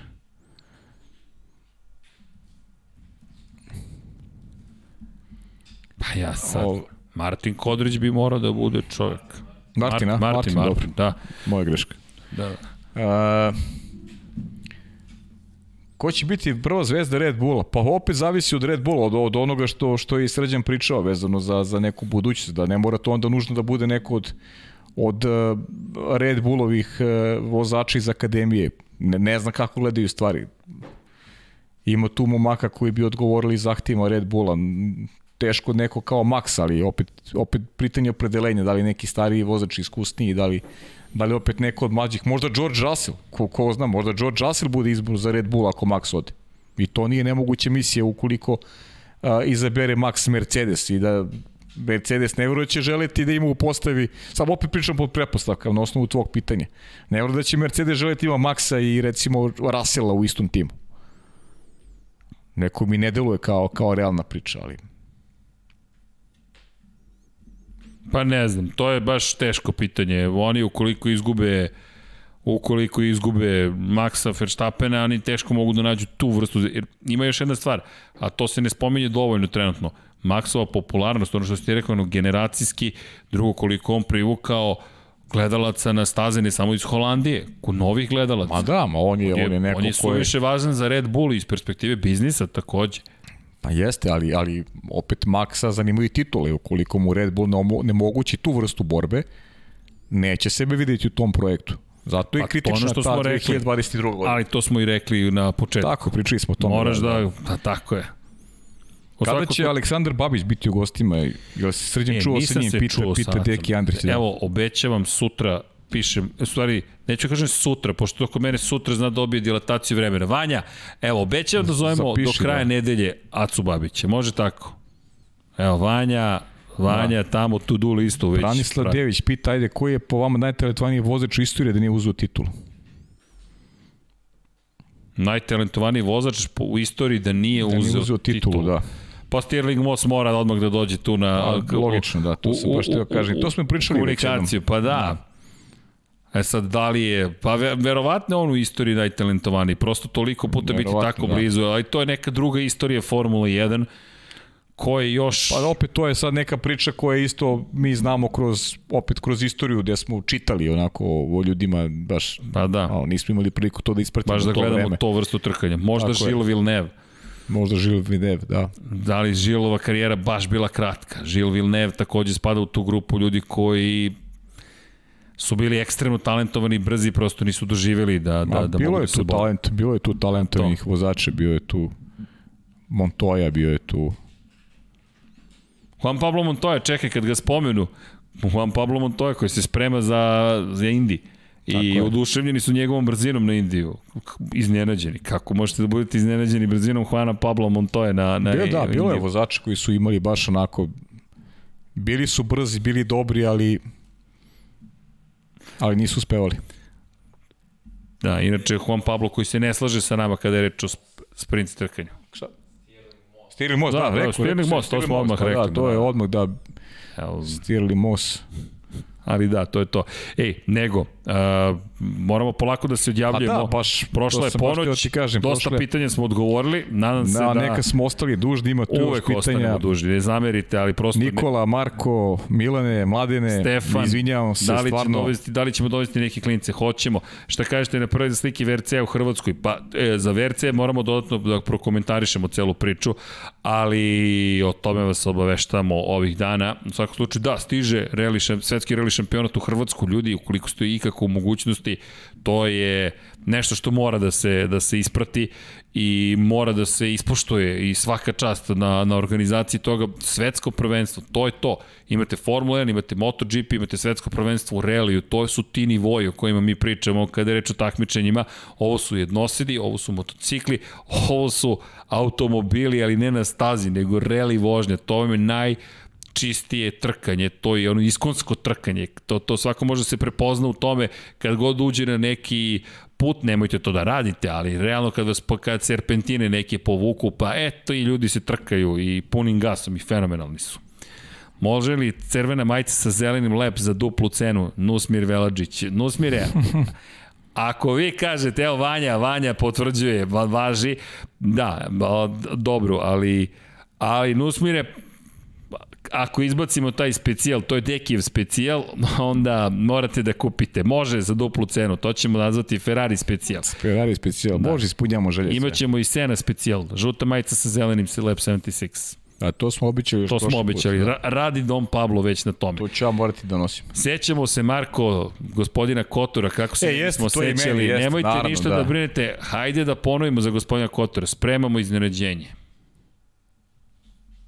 Pa sad, E, Budite strpljivi. Marko, veruj mi da za ovo ni ja nisam znao. Eto, tako da... Eto, ja sam nešto saznao da se sprema i da pričamo da. sa gospodinom Kotorom, tako to je da bilo polako. Fenomenalno. Polako. Biće, biće. Pozdrav u rubrici biće, biće. Tipovanje za 2022. Pričat ćemo o tome Nikola drugom prilikom. Eto, čisto samo da, da konstatujemo da, sam, da smo videli pitanje novi dvojec Milane Mercedesa i o tome ćemo pričati Za one tako, koje da. zanima MotoGP, sutra Lab 76 standardna posada biće spremna, broj 88, da. tako da znate, pričat ćemo upravo mnogo pitanja o tome šta mislimo o portah Markeza sad. Samo, samo da sutra. pozdravimo Dragana Radojkova, pričali smo o, o Red Bullu takođe, naravno da očekuje mnogo aerodinamika, pripan za 2022. Dotakli smo se te teme, tako da nisam postavio to pitanje svesno, jer smo onako dosta na tu temu govorili tokom emisije i Jest. eto, da, da, da, da se ne osjećamo. I zaista ima mnogo pitanja, hvala svima trudimo se da govorimo na, na što više pitanja, ali ajde da ne idemo baš... Ne idemo predaleko. Vanji je ovo danas četvrti ili peti podcast, ne znam ja koji ima podcast danas. Vanja treba nije malo, više treba malo i da spava. Vanja je studio. Je studio, da. Vanja je studio. Da. To je kao... Studio na kraju, kao... Vanjino, studio na kraju Vanjinog univerzuma. ne, ne, kao leteći holandžanin. deo posade, deo broda. Deo posade, deo studija. Evo ga leteći holandžanin. Yes. Da mu damo malo prilike i da odspava. Ne, pa ne, mogu, mogu bi da se navikne. I šta ćemo onda? Tako da. da, u svakom slučaju, nadam se da ste uživali. Mi uvek uživamo u ovome što radimo, uvek, ovo nije ni rano, ovo je zabava. Tako da, nadam se da, da, da se vidimo sledeće nedelje. Pre toga, pratite, pratite naravno Formulu 1, bit će spektakularno imoli i jedva čekamo da počne.